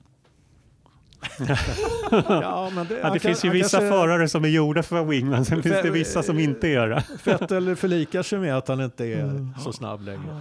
Nej, men, eh, ja, nej, vi får väl se vad Ja. detta bär. Hörrni, jag har ett par saker till om USAs GP faktiskt. Ja, Även fast vi har ja, babblat ja. på en del. Jag tänkte, jag, tänkte, jag tänkte att vi skulle ta eh, första varvet. Nu kommer det. nu kommer Nej, men vi, har, vi började med slutet, eh, vilket ju är ganska naturligt. Så jag tänkte bara, det hände ju en del på första varvet. Framförallt så, eh, så har vi ju en, en rejäl kista att spika. En redig rackare skulle jag säga. Ja, nu spikar vi igen och lägger locket på var ju- Alonso. Det fanns det flera där, tyckte jag. Ja, eh, shoot. Du tänker på Alonso, vi spikar igen hans kista fullkomligt nu, Nej, men, förstår jag. eh, Du eh, länkade ju till ett, ett klipp som var lite intressant Ja. med Hartley som hade, just ett, det. hade ett jävligt bra första varv. Absolut. Eh, och han gör en hel del omkörningar där. Ja, åtminstone tre. eh, va? Åtminstone tre tror jag. Ja, och han, men det som man såg där som inte framgick i eh, tv-sändningen då, det var ju hur jävla enkelt han kom förbi Marcus. Ja, ja, han rasslar ju bara Eh, förbi. ja, han, han tog sig förbi på utsidan och, och eh, klämde sig in framför Marcus. Alltså, Marcus borde ju ha kunnat täppa till den luckan till framförvarande. Samtidigt sa ju Marcus också att han gjorde ett riktigt skitvarv där första varvet. Vilket jag kan tycka det är en av hans, eh, hans, eh, en utav hans eh, svagheter. Att han inte är alltid riktigt lika snabb. Han gör ofta bra starter. Han är startsnabb. Men sen så får han inte, kan han inte riktigt kapitalisera på det där eh, och vara så pass snabb där på kalla däck. Men eh, jag måste säga att det som, det som jag eh, fastnade på just på den Hartley som både var ju när han gjorde en riktig sån här camel-raka omkörning på van Dorn och eh, Gasly. Ja, Just det. ja den var, den var lite riktigt småfräck. hårig faktiskt, Ja. måste jag säga. Och det är ju det här, den här Hartley vi vill se. Alltså, Jag har velat Precis. se hela Ja, säsongen ja, och nu liksom, i, i säsongens elfte timme så plockar han fram det där. Nej, men det, det är konstigt. Men han har, han, han ju visat vissa ljusglimtar ibland va, och under året. De har inte varit många, men eh, nej. det är jättesvårt Han att har ju förstå. också kommit med eh, antydningar om att han inte riktigt... Det är lite... Det lät nästan som en mobbning på arbetsplats från hans antydningar och att han har förlikat sig med att han kommer dit och sätter sig i bilen och kör bara och Ja. någon support från övriga teamet har, har han slutat räkna med. Och Okej. den, Ja. han har ju kommit med sådana antydningar om Ja. att det finns andra saker som påverkar om hur han har blivit behandlad Jo, inom jo. teamet. Att, Och det, det har han väl gemensamt med andra som har kört i Toro Rosso. Ja. Kviat, Ja, till exempel. mm, Absolut.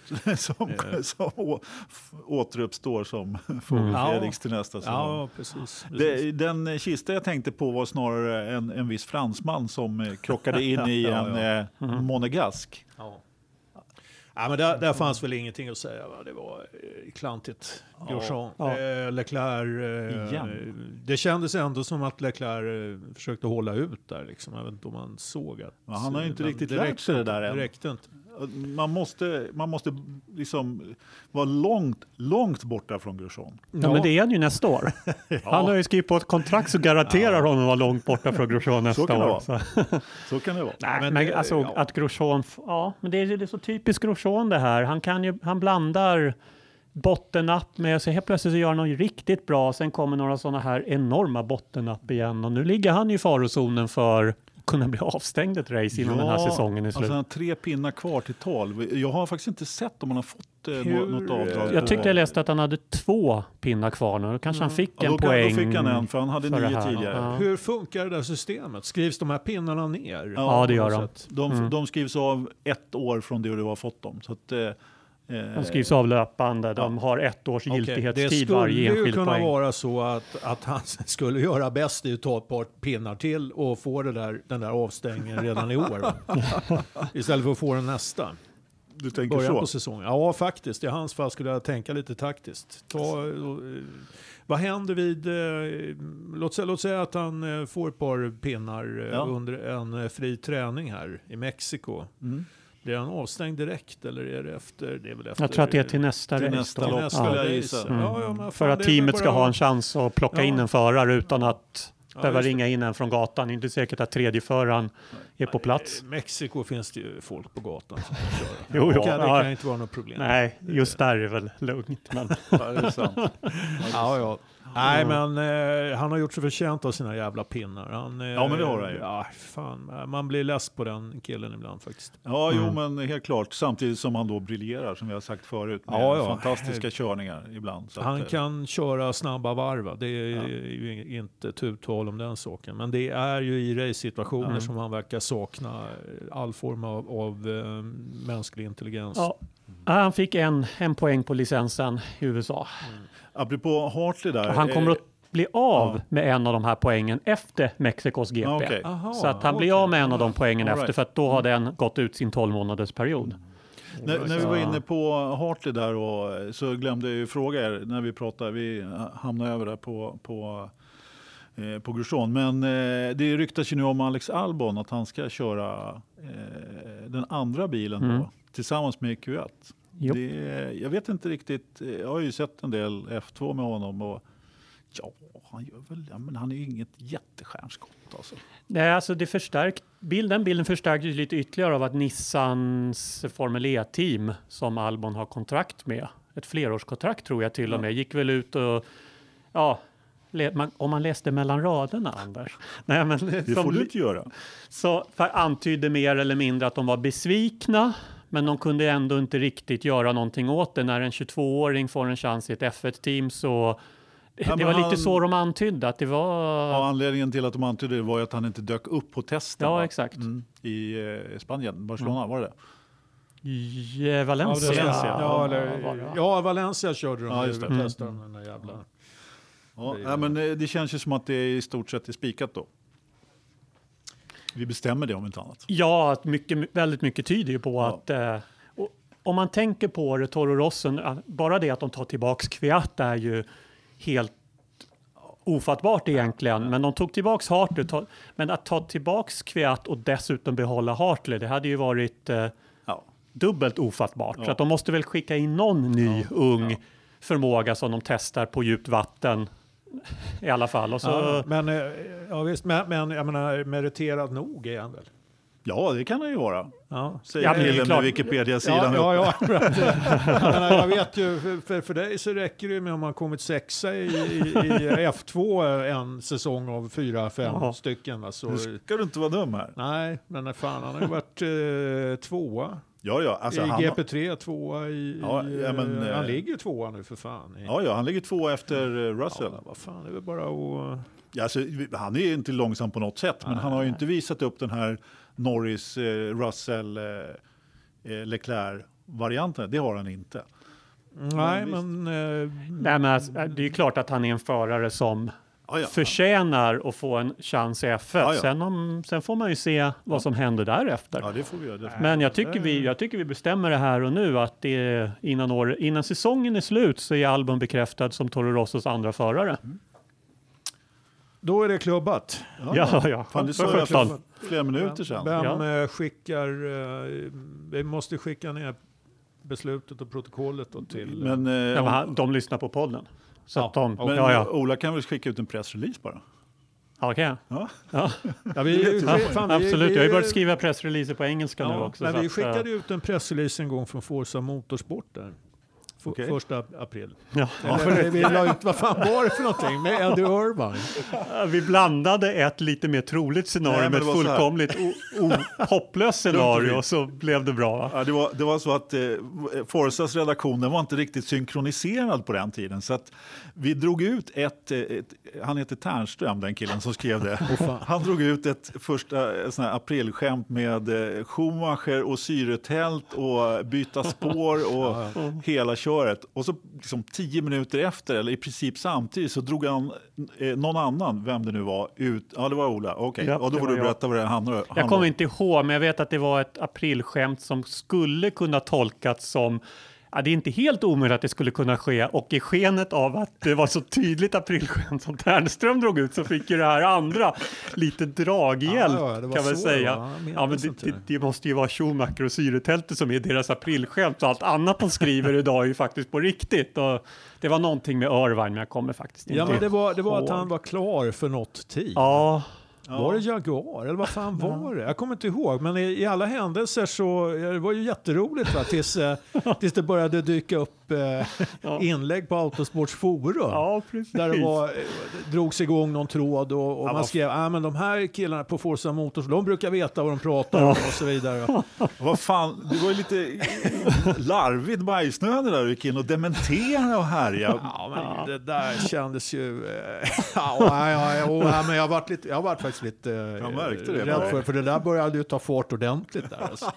Det var skitkul. Det är ju sånt som man numera gör på löpande man inom motorsportjournalistiken. Ja. Hitta på något bara till sina journalistkollegor och så sprids det så blir det bra. Ja, nej men eh, Albon, vi går ut med en pressrelease Ja, där efter. Vi ordnar det. Det Ja. ordnar vi. Så det, Han ja, är väldigt glad för chansen. Han är taggad Ja. inför 2019. Otroligt taggad och han, han, han har ju sett de framsteg som Honda har gjort och han tror att det ska bli fantastiskt att jobba med ett sånt varumärke som har en sån stark motorsporthistoria och tradition som Honda har. Och Ja. tacksam är han också till Red Bull för chansen. Ja, Och han ska värna prins Biras eh, arv i Formel 1. Det kommer han också säga, ja. Ja, Han är väl thailändare, är inte det? ja Men han är väl han är thailändsk engelsman till, eh, ja, när det gäller medborgarskapet. Jo, jag tror han kör på brittisk eh, licens. Nationality thai. Ja, ja, jag ja, tror han kör på- han är född i England. Ja, ja. Ja, han Okej. kanske kör på thailändsk licens då. Ja. Okej, ja, men det är ju det är ju lite skoj ändå. Mm, absolut. Hörrni, ska vi nämna något om eh, de här som inte klarar av att hålla sig inom regelverket också? Eller? Ja. Är du de som använder för mycket bensin eller för mycket bensin under några kurvor på ett varv eller? Ja, Jag tycker Äh, det är var så ju två. fånigt. Du Jag säger som eh, Magnus. Ende.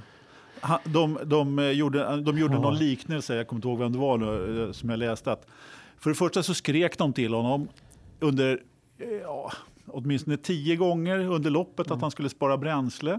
Och sen så eh, finns det tydligen eh, på där displayen på ratten då så kan man med ganska stor tydlighet, eh, jag kommer Mm. inte ihåg vem det var nu som, eh, som, som eh, visualiserade det där lite grann, men en femåring kan i alla fall se om Ja. man är, liksom ligger över Jag vet inte om det stämde Att, att han hade gjort av med 100 gram för mycket Jo, det var det. bränsle. Mm. Det var det i alla fall vad han sa, skrev själv. Att det, det, han hade han gjort av med 105,1 kilo istället för 105 kilo. ja, och grejen Nej, är den att då kan man ju tycka som, ja, men 105 kilo, Mm. varför har de inte bara 105 kilo i bilen? Jo, därför att eh, det är ju 105 kilo från starten går till Mm. slutet, till målflaggan ryker. Och då behöver du dessutom ha eh, för bränsleprov och Mm. invarv och lite här grejer. Så därför har de ju alltid lite mer. Men han tyckte det var larvigt också. Ja, kan man ju tycka då. Men å andra Men sidan, visst, just en regel är en regel och är det 105 kilo så är det 105 kilo som gäller och då ska inte 100 gram inte bestraffas medan ett kilo över ska bestraffas. Alltså, Det gäller dessutom alla. Så att jag, menar, jag tycker nog att det som Ocon bestraffades för jag vill bara säga det om Magnusson där, att hade han bara lugnat sig lite på slutet och blivit eh, passerad en gång Ja. till och varvad en gång till, då hade han inte behövt köra det där sista Nej, varvet. hade han exakt. klarat sig. Det, det där är en eh, Mm. strategi som folk inte verkar så vakna på alla gånger. Nej, precis. Nej, Ocon, han, han eh, råkade ju ut för någonting helt annat. Det var det ju så, som eh, Ricciardo diskades för 2014 i Australien. precis, precis. Att eh, man helt enkelt eh, blåst på för mycket bränsle under en period. Så att, Mm. Vad är det nu då? 100, 100 liter i timmen är det va? Ja. 100 kilo i timmen är det. 100 Ja, kilo i timmen. Och, eh, Precis. Då får man inte liksom överstiga den här Nej. gränsen och det gjorde han under en väldigt kort period. Ja, han gjorde under delar av första varvet, varvet, och ja. det var väl det lät ju på Force Indy i alla fall, nu talar de såklart egen sak, att de kunde se att det skedde men de visste inte varför och det var under en kort period. Ja.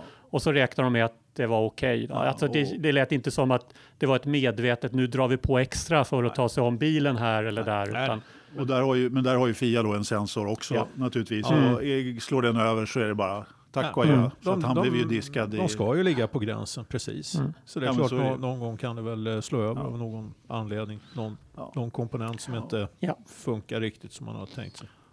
Det jag menar med löjligt eller som känns lite frustrerande som fan är ju, och det är det vi pratade om i inledningen av podden, jag fick också tyckte USAs GP kanske inte, i alla fall två av oss, inte var så spännande som, eller underhållande som man tror. Det är att man vet ju att de har, det är ju fantastiska bilar, det är fantastiska motorer, de kan leverera enormt mycket effekt, men de hålls enormt mycket tillbaks för, på grund av de här bränslereglerna och så vidare. Så att det är ju ett bränsleekonomi-race i vart och vartannat race. Ja. För, nå- för något år sedan eller ett par år sedan så, såg, så syntes det ju tydligt att man verkligen Mm. gjorde lift and coast och nu har de försökt dölja det där lite bättre. Men det är ju fortfarande en lift and coast-formula det här och det, det är ju frustrerande som fan att veta att de här bilarna kan ju köra så enormt mycket snabbare och pressa så mycket hårdare och utmana förarna så mycket mer. Men det sker inte för det är inte det som sporten idag går ut på. Och det Det- kan jag tycka är lite Ja, tråkigt. det är ju sällan man ser någon förare kliva ur bilen efter ett lopp och vara sådär fullständigt slut. Mm. Nej, men de har... Nej, men de, ju inte nej. längre. De kanske är mentalt slut för att det har varit många knappar att Ja, trycka på, många väl, drive modes och hålla reda på. Men den här fysiska, man ser att de verkligen har jobbat och slitit, den... Ja, det är ju Den- den den effekten är borta. De, eh, Där- där var väl, de, eh, eh, med allting då. Och, Ja. Sen Ja. är det väl kanske inte samma fysiska påfrestning längre. Det är ju andra på, på, påfrestningar nu mentalt att köra en Formel 1-bil. Men jag, jag måste ju säga det att det här är ett av de enskilt största problemen som jag ser med Formel 1. Ni ser ju väldigt många andra problem. Men, men om, om jag får liksom säga ett problem så är det här det, Ja. det som jag tycker är så att säga, det Ja. som står överst på listan. Mm. Att man helt enkelt inte kör fullt. Utan man, och, och det här med, det var väl också Singapore när man liksom fiskörde eh, 10 sekunder Mm. långsammare än polvarvet Ja, de ja, första. precis. Nej, det där är inte, det där är inte bra. Det Nej. gillar inte Nej. jag. Så att, eh, Nej, man längtar tillbaka den här tiden när eh, Ma- Nigel Mansell låg eh, liksom eh, framstupa över sittbrunnen och knappt kunde ta sig ur själv för Men- egen maskin. men det var när han hade vinkat på sista varvet till publiken och fick putta bilen över mållinjen där. ja, han kunde spela teater. Var det Nigel Mansell som stod för att upp, stod för uppkomsten av begreppet drama queen? I alla fall borde han ha gjort Ja, det. han har Det, varit, det han har fanns, varit med det fanns ju långt fall. innan dess, men eh, Ja, han var ju lite urtypen för en drama queen. absolut. Nej, men eh, apropå Nigel Mansell då, så kan vi ta en åsnebrygga till. Så hade jag faktiskt en punkt kvar då på USAs GP. Ja, du ville spika igen någon kista, det har vi Ja, inte men riktigt det- gjort ja, men det var Grosjeans kommer? kista. Ja, det var Har vi, Grosjean. har vi Ja, verkligen okej. pratat om alla? Nej, det har vi inte. Utan jag har faktiskt en punkt till. Och det är, eller ja, ja, du tänkte vi, du ville prata Eriksson. Ja, varsågod. Nej, ta, Anders, ta, ta programledaransvaret här nu och Ja. led in oss i, i det ämnet du vill att vi ska in på. måste få såga Eriksson först. Ja, men det, det, det, det finns, Ja, ja, det finns okej, fyra okej. chanser Nej, till i år. men, eh, vad, vad ska jag säga? Det var det, var det vanliga scenariot. Nej, man måste säga att kvalet var ju ett kapitalt misslyckande. När eh, teamkompisen eh, kör eh, Q3 så var fasen kvalade han in någonstans? 19. Han hade van Dorn bakom sig. Ja, det, är, det är ju inte godkänt. För de tog en för Det är ju inte godkänt. Och eh, sen gör han eh, liksom ett eh, hyggligt race, men eh, han får ju poängen till skänks mer eller mindre. Det var ju de som bröt. Det var ju de som normalt placerar sig framför honom och eh, sen var det ju två diskningar där liksom. Så att, eh, en, en ganska medioker insats eh, får man ju lov att säga. Och det var bara att konstatera att det var väl tur att inte framtiden hängde på, på det här racet. Nej, men helt klart. Han eh, gjorde ju ett katastrofkval. Och dessutom så går han ut efteråt och säger att det var ett bra varv han gjorde. Så att, Ja, och Det- nöjd med bilen och Ja. det är jättekul. Men, men Balansen var bra, bilen kändes bra, varvet var bra. Nej, och nej. där får jag ju lite den här känslan att han inte har förlikat sig med situationen. Alltså jag, jag kan säga att jag känner mig lite förbryllad över just... Annars så, bruk, så brukar han vara... Alltså han säger ju lite samma saker hela tiden. Och, Ja. och du har ju redan talat om vad han ska säga till Mexiko. Då, så att, eh, eh, men... Eh, Ja, ja, ja, ja, Det, det är ju inte svårt. nej, Nej. men precis.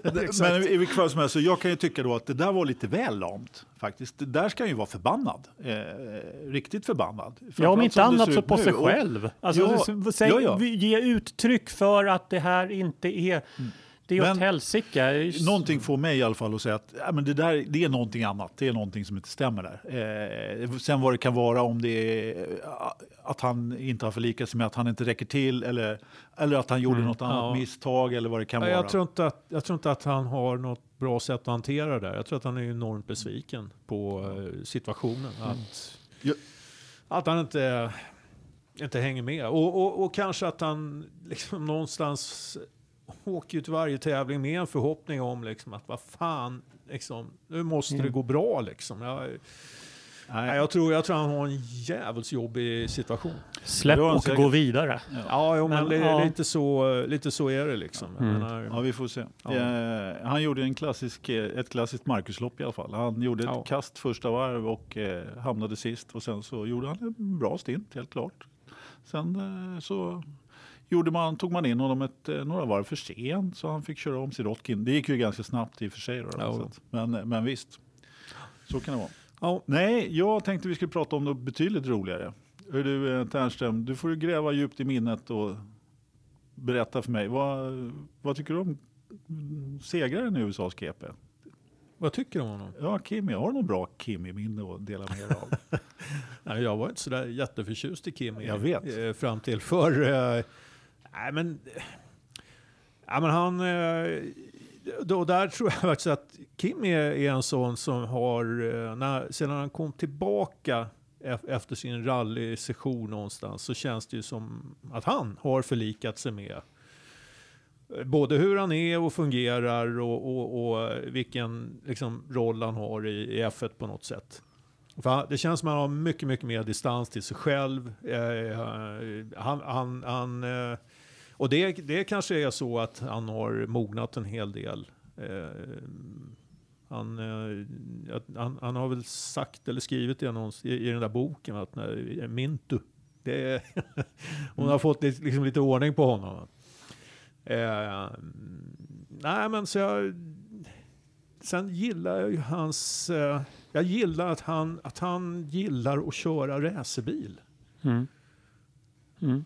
Och han, han gör det fortfarande med, med en jävla glöd, liksom, även om han gör sina missar lite här och var. Och, och, så att jag tyckte det var väl, väl unt att han fick vinna. Nu, nu var ju inte det där, liksom, det där riktiga, man skulle vilja se honom tvåla till de andra när alla kör för fullt liksom, på något vis. Va? Men ja, det kommer ju tyvärr inte nu. Då. det Men- kom inte. Men, eh, Ja, men jag, eh, jag håller med. Just det, att han bara skrev på för två år till. För Sauber bevisar ju liksom att han vill Ja. fortsätta. Ja, det, det passar honom bra. Han bor ju där.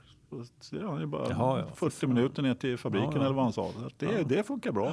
Han vill vara hemma med familjen. Så att, ja, det är en eh, nyfödd Kim. Ola, vad, har, du, har du något bra Kimi-minne? Ternström, fick, Ja. vi fick ju inget av Ternström. Att, När han, när han ja. tappar ratten i Sauben.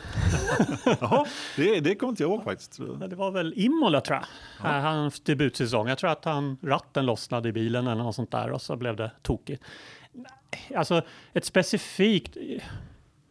Dels älskar jag ju att Kimmy kan vara som han är nu och alla kommer undan. Även om jag kan tycka att det är lite patetiskt med alla runt omkring som bara förväntar sig av att nu ska han ge oss ett enstavigt svar igen och nu ler han inte för att han har vunnit. Ja. Hoho, han gjorde det inte! Kolla! Han blir som en cirkusartist. Det är som en cirkusapa för andra. Jag gillar ju att han bara är sig själv. Men om man ska ta något Kimme-minne så, ja men det är de tidiga åren. Han tappade ratten hos Sauben, men det är framförallt hans tid hos McLaren. För han var aggressiv, han var fruktansvärt snabb och man var ju så alltså att han inte kunde vinna. Sen fanns det kanske en finländsk fanmaffia som, höj, som höjde honom till skyarna så att man blev lite trött på överhypandet. Men det är de där åren hos McLaren. Han var inte långsam direkt. Han var aggressiv i racen, han var, gjorde inga misstag, han var oerhört snabb.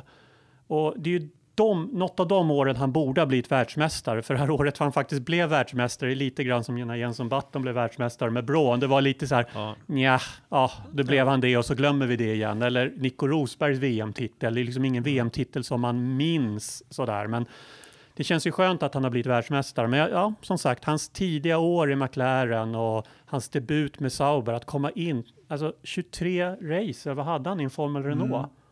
23. Go-kart, 23 Formel Ja, ja. Renault-race och sen in i F1, motarbetad av alla. Han borde inte vara där, kör på nåder. Han har ju licens ett race i taget. Mm. Och red, inte ens det påverkade honom. Han har bara liksom gått från klarhet från klarhet till dess. Så.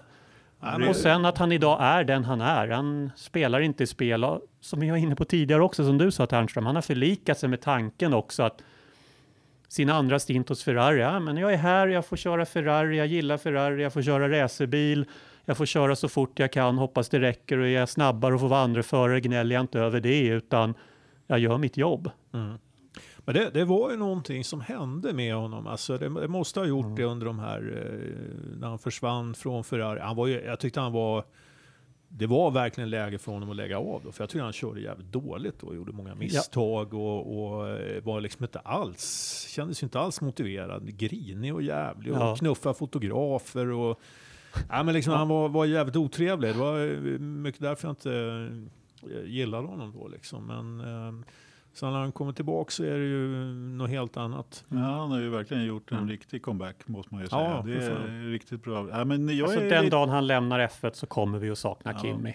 Ja, men Ja. jag, jag är helt klart inne på ert spår också. Att, eh, från debuten där i Sauber så var det ju rätt kul att se honom. Och, eh, första året i McLaren också eh, skoj. Men, men sen, eh, nej, nej, sådär. Jag har aldrig varit något jättestort Kimi-fan. Men som, ungefär som Ternström så har jag ju faktiskt eh, be- upp- uppskattat honom ganska mycket nu. Och just för att han är den han är, precis som ni säger också. Ja. Men där, när du snackar om att tappa ratten så eh, då kom, det, var ju någon bild här. Eh, Det är inte alls länge sedan som... eh, Jag ska när- säga att det var inte Kimmy som tappade ratten så mycket som Nej, att nej. ratten lossnade Ja, för honom. Så ja, det var precis. kanske snarare ett teammisstag. Men, ja. ja, Jo, men, när, ja, men precis. Nej, men när, eh, när de puttade honom i depån här i Ferrari Ja, för inte så länge sedan så bara, ge hit ratten! Vad fan är ratten? De hade glömt att ge honom ratten så han kunde inte styra Ja. depån.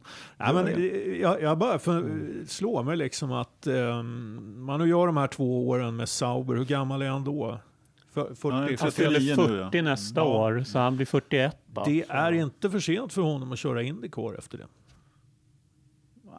Nej. Men det är långt att dagspendla från Schweiz till USA. Alltså, jag Ja, tror då att får han ta med sig Ja. familjen och flytta iväg. Kanske han gör, absolut. Ja, Fan, Kan han verkligen hålla sig från att köra någonting? Jag har Nej. svårt att se det. det, han, Nej, säkert, han kommer eh, säkert att köra någonting, men jag tror inte det är Indycar vi ser honom då. Eh, om inte Nej. annat för ovalernas skull. Och, Han kan, li- han kan lika gärna dyka upp i depån i Avenisto. Ja, det kan han. Ja, absolut. Med, med, Ja, ja. med någon jävla häck som han har skruvat ihop. Ja, ja, ja. ja, ja, eller så ger han sig på att köra snöskotercross eller vad som helst. Eller, Eh, Även bara Ja. det att han ställer upp i, i just, det var någon snöskotertävling som han ställde upp i eh, sån här gorilladräkt. Gorilla-kostym och pseudonym. Han körde, Ja. Vad var det James Hunt han använde som pseudonym i Just det det. racet? Eller blandar vi ihop storyn? Ja, jag Det- tror det att vi ju- blandar ja. ihop dem. Men jag kommer ihåg den där just gorilla-grejen där, för då var jag Ja. på Monza då efter och då var det ju ett gäng finnar som naturligtvis hade klätt ut sig i Ah, gorilla-kostymer okej. och stod högst upp på läktaren där. Och, ja. det var Kimmy lookalike som man kallar dem, spiken. ja, bra. Mm. Ja, hörni, eh, nej, då blir det nog inte så mycket mer USAs GP. Va? Nej. Nej. Nej. Har det hänt något eh, annat på fronten? Ja, lite Vilken- grann kanske. Ja, ja, du, Ja. du ställer frågorna och besvarar dem. Ja. Ja, Johan, fan, du var ju så långsam. Har det hänt något, Ternström? Om det har hänt något? Ja, det, det stora som har hänt är väl att Peugeot har klivit av rallycrossen. Vi var inne på det förra avsnittet.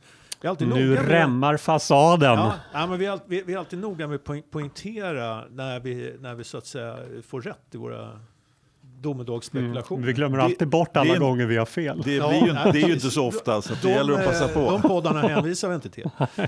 Nej, men eh, vi var inne på det förra gången, att eh, rallycrossen ser jäkligt skör ut och, och man, man letar Mm. sig till banor, eh, F1-banor istället för de traditionella, traditionella rallycrossbanorna. Och, eh, förra veckan så kom beskedet då att Peugeot kliver av rallycrossen. Mm. Och eh, det innebär ju att eh, det finns egentligen bara ett fabriksteam kvar. Eller egentligen, det finns bara ett fabriksteam kvar. Och Volkswagen. Det, det är Volkswagen. Ehm, och ehm, det var väl inte det beskedet som eh, vare sig promotorn eller de andra deltagarna behövde. Jag kan säga att jag har dålig koll på rallycross överhuvudtaget, men det låter ju ungefär som att den imploderar den där serien. Ja, Mm. och, och jag skulle säga att jag, jag är inte så intresserad av rallycrossen egentligen ur, ur något sportsligt perspektiv utan mer som eh, ett, eh, ja, ett, ett, en, en eh, ja, det är mer ur perspektivet eh, hur motorsporten funkar rent eh, kommersiellt. Så. Och eh, Du är aldrig så glad som när en serie går under. ja, men, jag, jag Man får ju vatten säga på sin kvarn va? Ja, Nej, men alltså, när, man, när man har sett, eh, när, om, om, om, har man varit bakom kulisserna på motorsporten och, och, och lärt sig att förstå hur den fungerar så är det inte så jäkla svårt att se tecknen när, Nej. när de väl Nej. dyker upp. Va? Att, eh, vilka risker som man står inför. Och, och rallycrossen har, känt, har varit på väg åt det här hållet. Eh, och de saknar Eh, det är ju egentligen ingenting som skiljer dem från Formel 1 i i det här fallet. Eh, förutom att, att eh, det egentligen är mycket mer pengar investerade i Formel 1 från olika håll och kanter och att, att det liksom kanske kostar lite mer någonstans att eh, dra sig ur där. Här i rallycrossen eh, har ju haft en renässans och där har man, eh, under de senaste åren där har man liksom inte hunnit bygga upp de här eh, eh, strukturerna som, Nej. som kanske har behövts för att hålla samman det här. För att knyta samman eh, eh, deltagarna, biltillverkare och så vidare som ska vara med och köra här som gentemot promotorn. Då. Så att eh, det, det är skörare och vi har sett det under de senaste åren att eh, kostnaderna har dragit iväg och att det är de här Mm. stora fabriksteamen som har eh, konkurrerat ut Ja. de mindre. Vi, vi kan ta eh, Robin Larsson är ju ett exempel då som vi körde för, för det egna familjeteamet där med en Audi hade de väl byggt va? mm. Var konkurrenskraftiga eh, de första två åren någonting som de var med och körde Mm. på egen hand. Men, men sen har de liksom inte kunnat hänga med. Så Ja, det att, var eh, väl samma med Ekström där. ja, men E- Ekström fick ju... Efter, han körde ju också privat första året. Där. Ja, Det var hyfsat. ja, ja precis. Precis men, men, Privat eh, inom citationstecken ska man väl Ja, säga. jo, Ja, men, men, eh, det blev ju ett eh, utökat det blev ju ett stöd. fullfjädrat fa- fabriksteam. Av de tre fullfjädrade fabriksteamen så är det ju nu bara ett kvar. Ja. Alltså Audi har dragit sig ur, eh, Peugeot har dragit sig ur nu, det är bara Volkswagen. Sen är det en gäng privata team. Ja, Men det- Olsbergs eh, kör ju fortfarande, men, men Ja. eh, där och du har ju ett antal får inte så Peugeot-bilar. intresserade av att vara med. Och sen, Nej. sen Peugeot-bilarna, det kan ju vara så att han sen hittar finansiering för Mm. att, att driva bilarna själv. Men, men de kommer ju sannolikt inte ha samma resurser till att utveckla dem och, och kunna vara konkurrenskraftiga. Men jag Mm. menar, jag ser på forum där det diskuteras, eh, jag tror till och med att eh, ledningen för Höljes eh, var ute i någon tidning här och eh, pratade om att man, man ligger ju i förhandling med promotorn men man är ju osäker på om det blir något Ja. Mm. VM nästa år. Ja, det är ju... Så att ehm, det säger någonting om motorsportens Rally- villkor idag. Precis, och rallycrossen försökte ju slå sig in lite grann på en nivå, en arena som är lite för stor för dem. var lite storhetsvansinne, det är ju det man också ser. Och så blandar du några biltillverkare och fabriksteam, en massa privatteam, kostnaderna skenar iväg, privatteamen dukar under eller orkar inte med det där. Och vi vet att alla biltillverkare som blir färre och färre, för bilbranschen konsoliderar sig, Absolut. är ett styrelsebeslut ifrån att ifrågasätta alla sina engagemang var de än är. Ja. Och idag ser Formel 1 välmående ut, men under ytan så finns tecknen även där. Att eh, du, du, du har ett antal team i Formel 1 som lever på bristningsgränsen för vad de klarar av. Ja, absolut. Och Mercedes, Ferrari, Red Bull, de är ett styrelsebeslut ifrån att lämna imorgon. Renault, Honda. ja, ja. Alltså, Så det är ju väldigt skör grund. Och jag menar, man, man kan tro att... Och då har Formel 1 ryggraden och historiken. Alltså de har ju arbetat upp något under många Ja. år och grundar sig på. Det har inte rallycrossen på den arenan de försökte ge sig in på. Och, och, Ja. eh, man, man skulle kunna tro att Mercedes, eh, eh, liksom där, det, är, det är ingen fara där. De, de kan hålla på ett bra tag till. Men eh, där, där är det ju faktiskt så att eh, Mercedes själva, eh, alltså de är ju bara delägare Mm. i teamet. Ja. Det är, Toto Wolf eh, äger ju Ja, eh, en stor del av teamet. va? ja då- vad var och det? då- Det kom fram någon siffra om att Mercedes står för 25 procent av den totala Precis. budgeten och den andra delen ska komma från andra håll. Och om man då betänker att ett av de hållen är ju att Mercedes är ett av de team som har väldigt fördelaktiga intäkter från Formel 1. och intäkterna i Formel 1 sjunker nu. Och de sjunker det för teamen också. Ja, ja. Då sjunker den biten där och helt plötsligt kan, ja, om Mercedes står för 25 procent av budgeten nu i det teamet, som kommer ju inte, jag, tror, jag tror inte Mercedes kommer vilja öka det. Nej, och, och jag menar det kan, det kan som, Så- som du säger, det kan vara ett styrelsebeslut och sen säger Ja. man, hör du eh, Toto, du kan ju få driva det här vidare själv. Mm. Liksom. Du får låna Mercedes-namnet, Ja, men några pengar får du inte. Samtidigt så kan ju det vara en ganska bra skäl också till eller, att, att det kan fortsätta i och med att det inte är de här enorma pengarna. Eh, Ja, som så- man ja, så är det ju. Ja, och, Ja, men visst, visst är det så. Men, eh, och Red Bull är ju ganska självfinansierade också. Men hur länge Ja. vill Red Bull vara med och slåss om tredjeplatsen utan konkurrens från varken Mm. kunna konkurrera uppåt eller bli konkurrerade nedåt när de säger Ja. det finns annat vi kan göra istället, även om vi är där, självfinansierade. där kan man ju säga så här, de är, de är ett, eh, ett hjärtstopp från eh, ja. att kanske inte vara med. Jag Så vet, hur, hur Mm. gammal är Mateschitz Ja, egentligen? du. Han är äldre än vad man tror. Eller han är, nej, inte man. Jag, han är äldre än vad jag tror hela tiden. För varje gång jag Ja, kollar upp okej. honom så är det, oh, är han så pass gammal? Ja. Han måste ju vara typ eh, årsbarn med Bernie eller något, eh, känns det som. Ja, ja. Nej, men eh, det, det, är- alltså, det är ju sådana grejer som gör det lite skört. Ja. Va? Det, är- 74. ja, så pass. 74 Och jag, alltså, ja. varje gång jag tänker på Mats så tänker jag, men han är väl 60 plus? Vilket Jag- teoretiskt är jag- rätt. Jag- skötte jag trodde han 74 var- men... Jag trodde han var 87. Så. Ja. Okej. Så han, har... Ja, okej. Då har jag många bra år. Ja. Ja. Nej, men, eh, när vi ändå var inne på den här diskussionen. eh, Renault eh, sa ju då, apropå deras då, något vad ska vi säga, haltande kvalitet i Formel 1 så sa ju vår gode vän Alain Prost här i en intervju för inte så länge sedan att den absolut största skillnaden mellan när han körde för Renault och nu är hur man behandlar eh, Formel 1 i styrelserummet, alltså management i Renault. Och att den står på då, sa, då var det liksom, ja, det var bara att göra som de sa i styrelserummet. Och de bestämde, det var någonting som gick sönder varje lopp i stort sett. De fick inte byta ut det mot en del som höll utan det skulle komma från deras partner och så vidare. Nu är det helt andra tongångar och en mycket mer långsiktigare plan för det hela.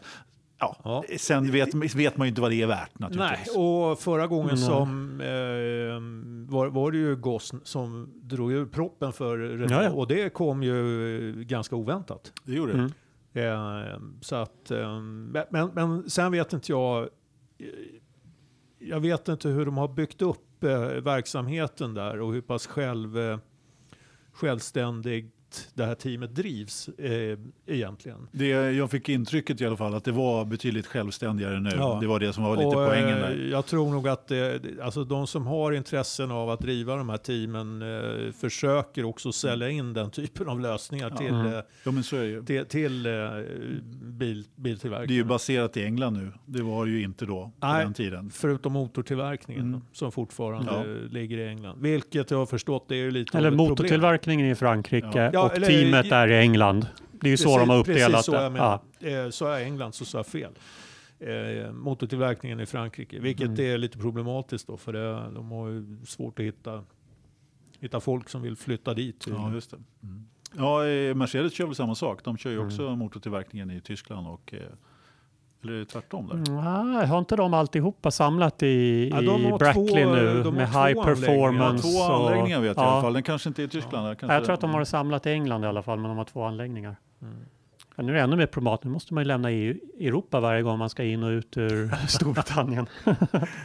Ja. kanske blir lättare att få folk till Frankrike nu. Ja. Nej men eh, och för att summera det här då. Det är, det är kärvt för motorsporten. Mm. Det, är, det är liksom ingenting att, att snacka om. Och eh, frågan är... Eh, jag, jag, jag ser inga lösningar nu men eh, man måste ju eh, någonstans börja jobba sig framåt. Mm.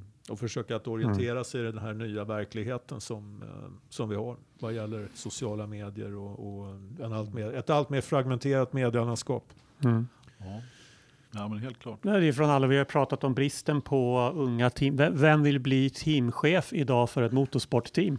Alltså där har vi också pratat Ja. om en brist att, eh, på både nationella och internationella nivåer. Absolut. Att vad händer när nuvarande generation teamägare lämnar över bollen så finns det ingen att lämna över bollen till. Vem är i 20 plus 30 plus Mm. idag vill bli ägare eller chef för ett motorsportteam? Det Bottas.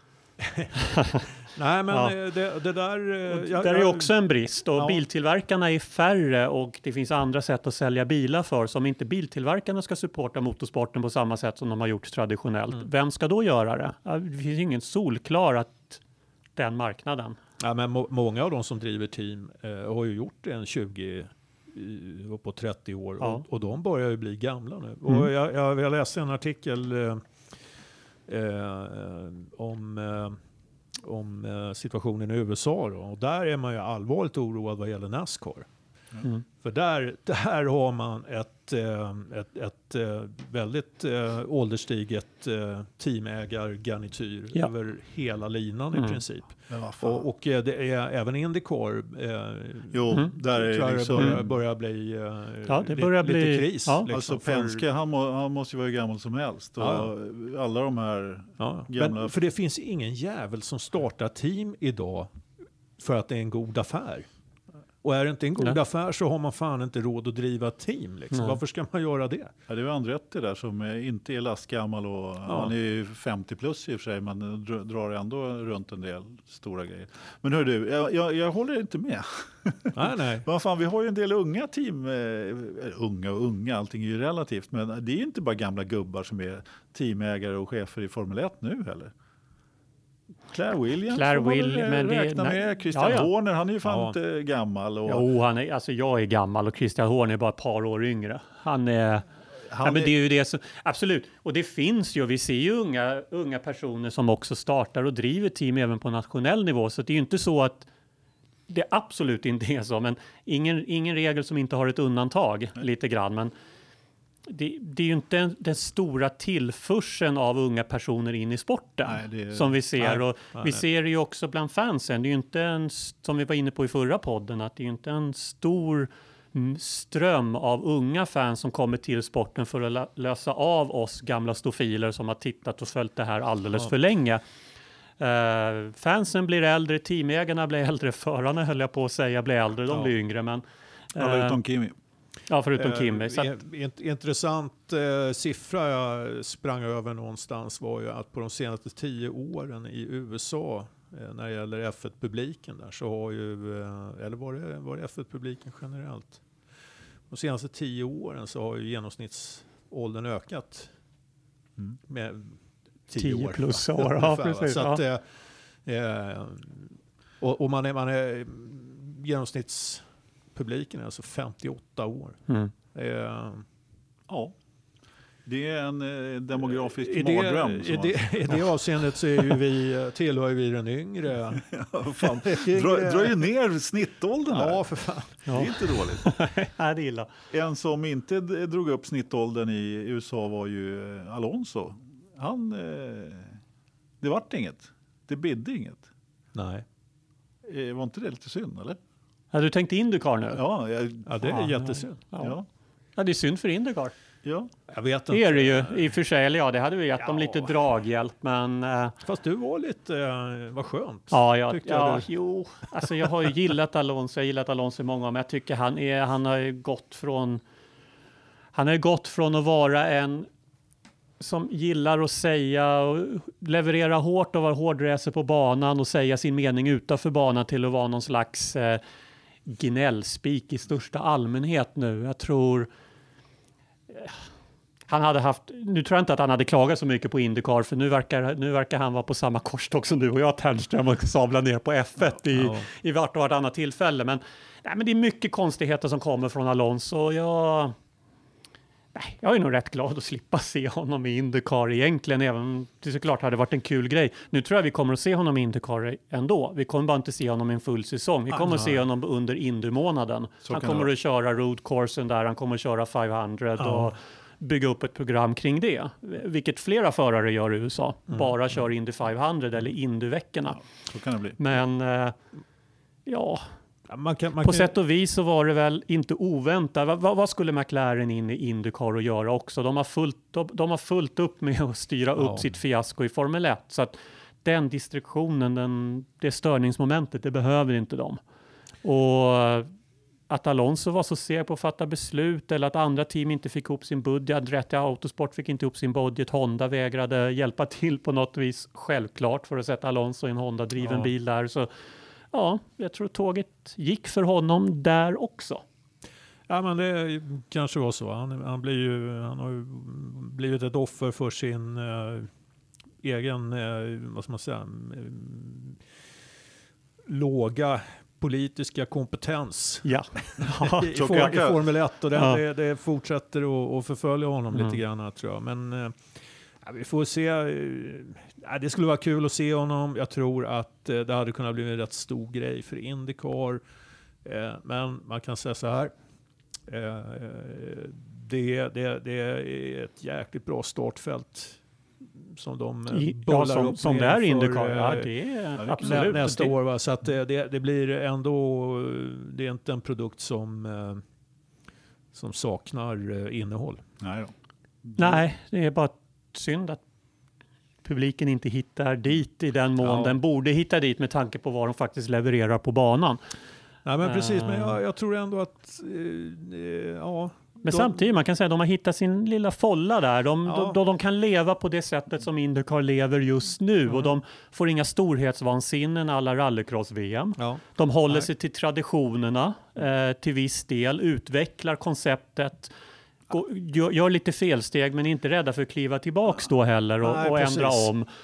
De har en förargeneration där som kan mer eller mindre leva hyfsat på sporten utan att leva i överflöd. Det är, visst, det är ett gäng betalande förare och det är många team där som inte ens jagar egna sponsorer utan är bara leverantör till förare av motorsporttjänster. Men de, de, de försöker inte leva över sin egen nivå Nej, eh, lite grann och håller, i, håller ihop det och det, det, det tror jag kan tjäna i längden. det, det är inte så att de inte har några problem, för de har ju också stora problem eh, just med att locka Mm. publik och tittare och sådana saker. Men Men det känns som de ändå växer på en hyfsad, eller inte Ja. eller som en hyfsad eh, så här, ja, så länge de inte drar på sig en jävla Ja. massa onödiga kostnader så har de ju någonting att jobba med under de närmsta åren Mm. i alla Så fall. Och, Det man skulle kunna säga, det, felet de skulle göra nu, alla, lite alla rallycross-VM, det är att börja göra som, som de har gjort tidigare, lägga race utanför USA. Exakt. Japan, Europa, börja expandera dit, kanske försöka locka in en eller två biltillverkare till som motorleverantörer, kanske till, till och med tillåta en av de till, tillverkarna att driva ett eget team. Låta en sån som McLaren kliva in. Nu säger inte att de hindrar McLaren, men alltså helt plötsligt börja tänka de här, vi måste expandera, vi måste expandera. Håll ihop det, tajta ihop det som Ja. de har gjort nu med kalendern. Håll sig på sina traditionella stadsbanor. Laborera lite med dubbla poäng i finalen och sånt där, det kan de göra, men håll, håll det på kontinenten och det gör de ju rätt i. Ja, precis. vilken kontinent. Sam, samtidigt så var ju Surface Paradise ett jäkla trevligt lopp tycker jag. Ja, det var det. Det var riktigt skoj. Absolut, men de har den typen av banor och lopp i USA. Och som Australien, de ska inte, ska inte till Australien och härja för All, alla, egentligen. alla lopp utom det som de körde en halvtimme bakom Safety Car i ösregn och sen blev det inte mer. Det, var, det kan ju vara lite Torsby men eh, ja, Ja, annars var men, det bra. annars var det bra.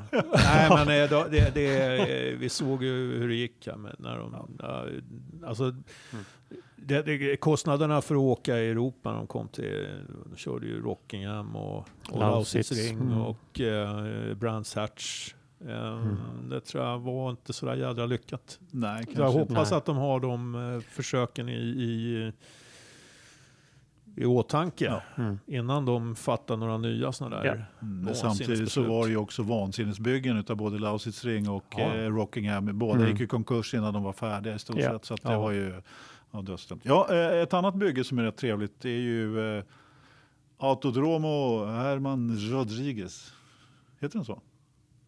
Ja, du, ska, du ska prata framtid, nu ska prata framåt. Jag försöker Ja, att få fan, den här podden men- lite... men- du bara. P- en Men det är väl P3-övergång. inte i helgen det är? Till, ja, det är det. Är det? Jajamän. Åt helvete vad fort Ja. Det är, det är inte så långt mellan Texas och Mexiko, vet du, så att man behöver inte hålla upp. Nej, nej, Nej, nej. Ja, men, eh, jag tycker det är en rätt schysst bana ändå. De har ju bevarat eh, i alla fall en del av, av karaktären tycker jag från... Mm. eh, Och så byggt in lite nytt med gamla baseball, banan. gamla baseballstadion där så att du får någon stadiumkänsla av Ja. åka in i. Och så, ja. Ja, den, jag gillar den skarpt, den där Ja. stadionvarianten där med jag vet inte hur mycket tusen folk det är. Och just för att få den här bara, Den gamla parabolikan där då. ja, jo då. Den fick ju stryka på foten. Ja, den fick göra det. Men jag kan, eh, jag kan på något sätt köpa det just för att få till den här. Bergers omkörning på utsidan av, eh, vem fan var det? Var det på Mansell?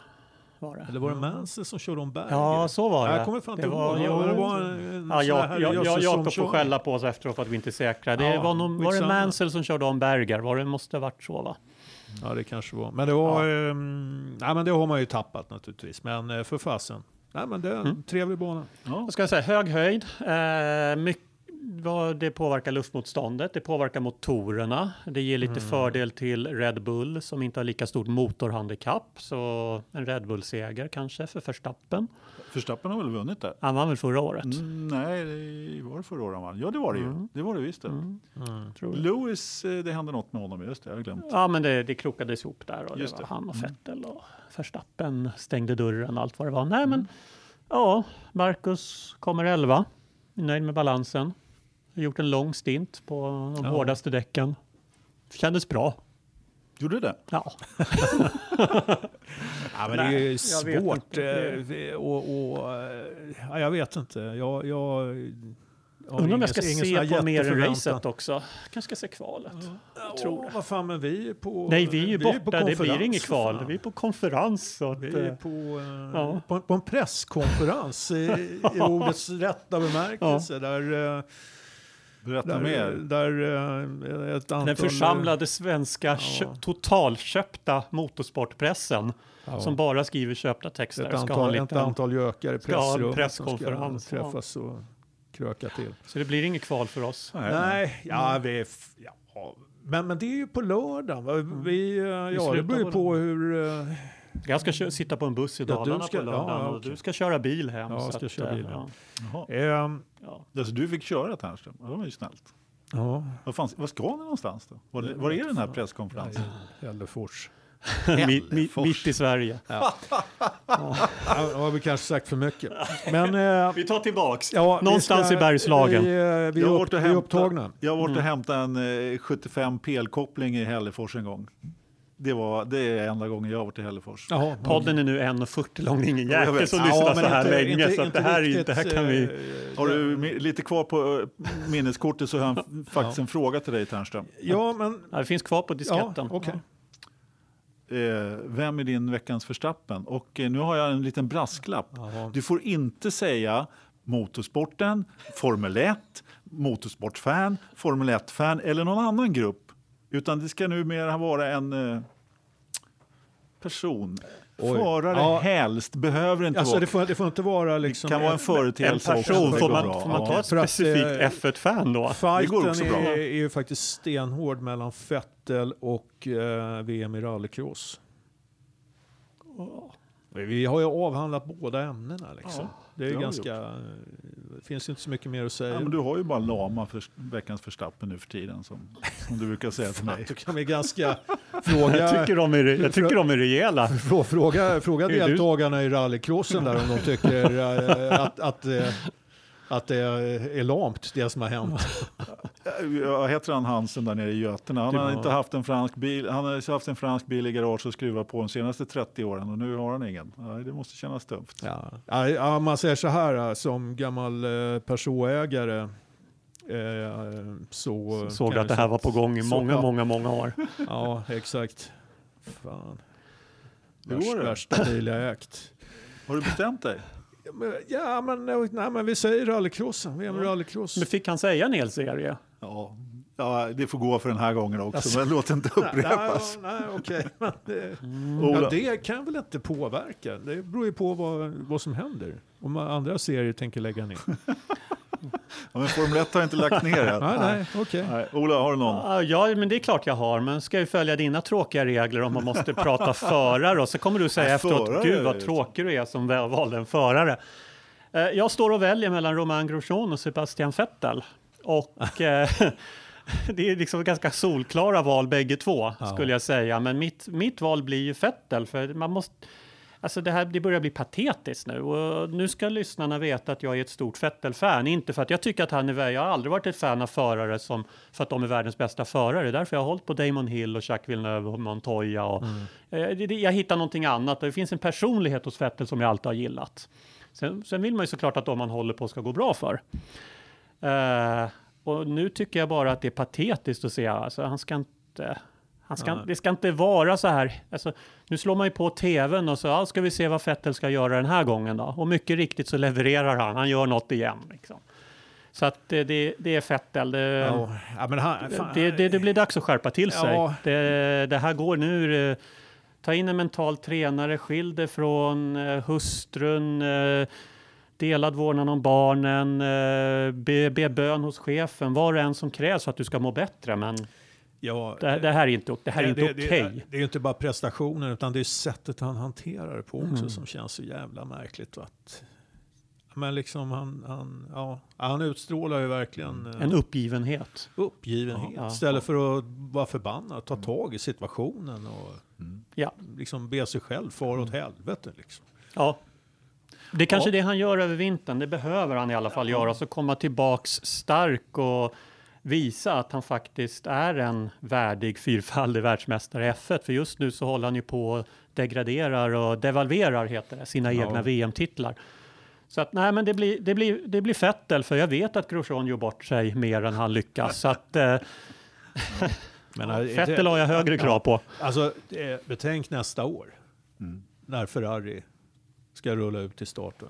Och Ferrari-fansen. Vem, vem kommer de att sätta sin förhoppning till? Vem kommer de att, att, att ställa sig bakom? Mm. Nej, men det är ju Leclerc. Alltså, helvete. han- han kommer ju att börja med ett kommer att ha det jätte- tufft alltså, Ja. att återvinna förtroendet. Ja, alltså, den saken. definitivt ha.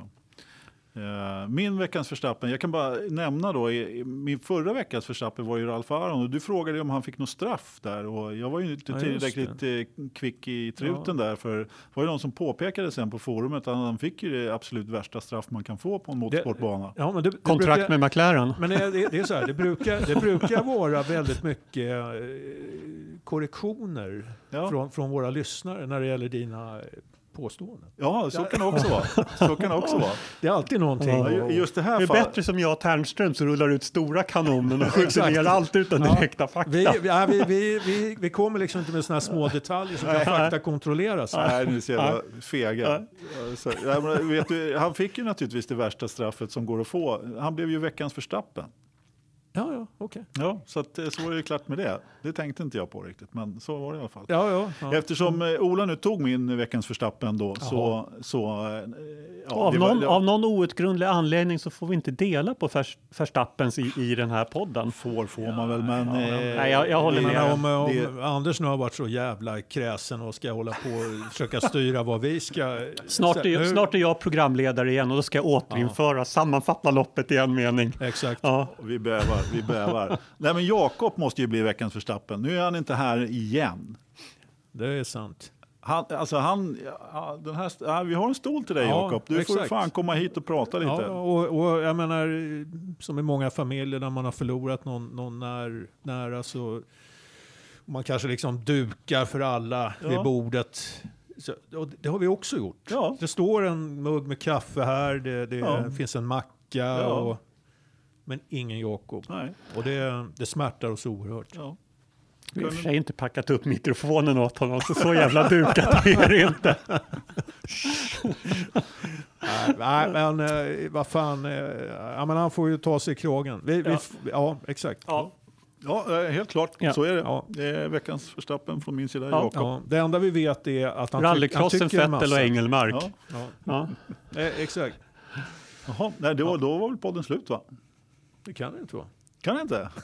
Har jag glömt något? Jag kan inte tänka mig att det är slut redan. Nej, nu börjar Nej. skitinslaget igen. Med förbannade Jag tycker det är trevligt med lite väder så här på slutet. Ja, Jag ska sitta här och försöka titta om jag hittar något, eh, något avvikande. Så här, men, eh, Nej, men det är ju fan. Det är, prognos växlande. Det, jag litar inte på den där jävla väderstationen längre. För fem jävla öre. Det är sensorer som inte funkar och temperaturen pendlar ju där som eh, Jag vet inte vad fan Mm. håller han på med? Jag vet inte. Vi- Vindriktningen är nordost, 45 grader. Ja. Hästkrafterna 1002.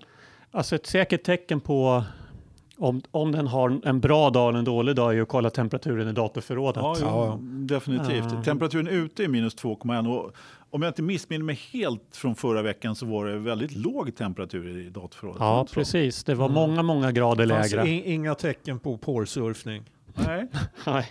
Nu, är- nu är det faktiskt 23,2 grader i datorförrådet. Ja, du ser, upp och ner som en Roman Grosjean. En fullkomligt just det. opålitlig den där väderstationen. Helt och hållet. Förstår inte varför vi har med den. Nej, Det var ju någon som skulle åka, åka upp, av våra lyssnare som skulle åka upp och kolla den där väderstationen också för att se så att det stämde. Så att, så Ja, att det väder- var väl vad vi utropade i förra avsnittet. Det var ingen som högg på den. Det är ingen som lyssnar så här långt Så in i podden. nej, för Och sen lägger Ternström på en halvtimmes eh, tystnad Ja. på toppen av det. Så att, eh, Ja, ja, men då var det lite lugn och ro alla fall sista Ja. halvtimmen förra Ja, men, alltså jag tycker man ska, Den det bästa ska, det ska vi har ett utrymme för lite eftertanke och, och fundera lite grann eh, själv när man liksom har lyssnat på vår podd. Vad var det de pratade om egentligen? Vad, vad sa de för någonting? Ja, jag kan ju säga att det var den enda delen av förra veckans avsnitt som jag faktiskt lyssnade på. Ja. Sista Ja, Men halvtimmen. du har ju aldrig lyssnat på någon av poddarna vi har gjort. Nej. jag bytte ju faktiskt ut den där så att eh, den eh, ligger ju inte kvar den där extra halvtimmen. Du gör den inte? Nej, nej. Du tog bort extra materialet. Ja, jag tänkte vi sparar det och så ger vi ut det separat. Mm. Sånt ger man bara till de som betalar för det. Exakt, det, det, det lägger vi bakom en betalvägg. Nu har vi faktiskt snackat i nästan två timmar. Jag vet inte Ja. hur det gick till men eh, nu... Extra nu, materialet kommer på den CD-skivan vi kommer att sälja. Ja, exakt. Ja, Den kommer, eh, kommer tillsammans med, med en liten filmsnutt. med En, Det kan eh, bli årets julklapp. Ja, en öppen brasa som man kan... eh, Årets alla poddavsnitt på en CD-skiva nära dig. Storsäljare. Ja, Ja, Hej då. tack och hej. tack och hej.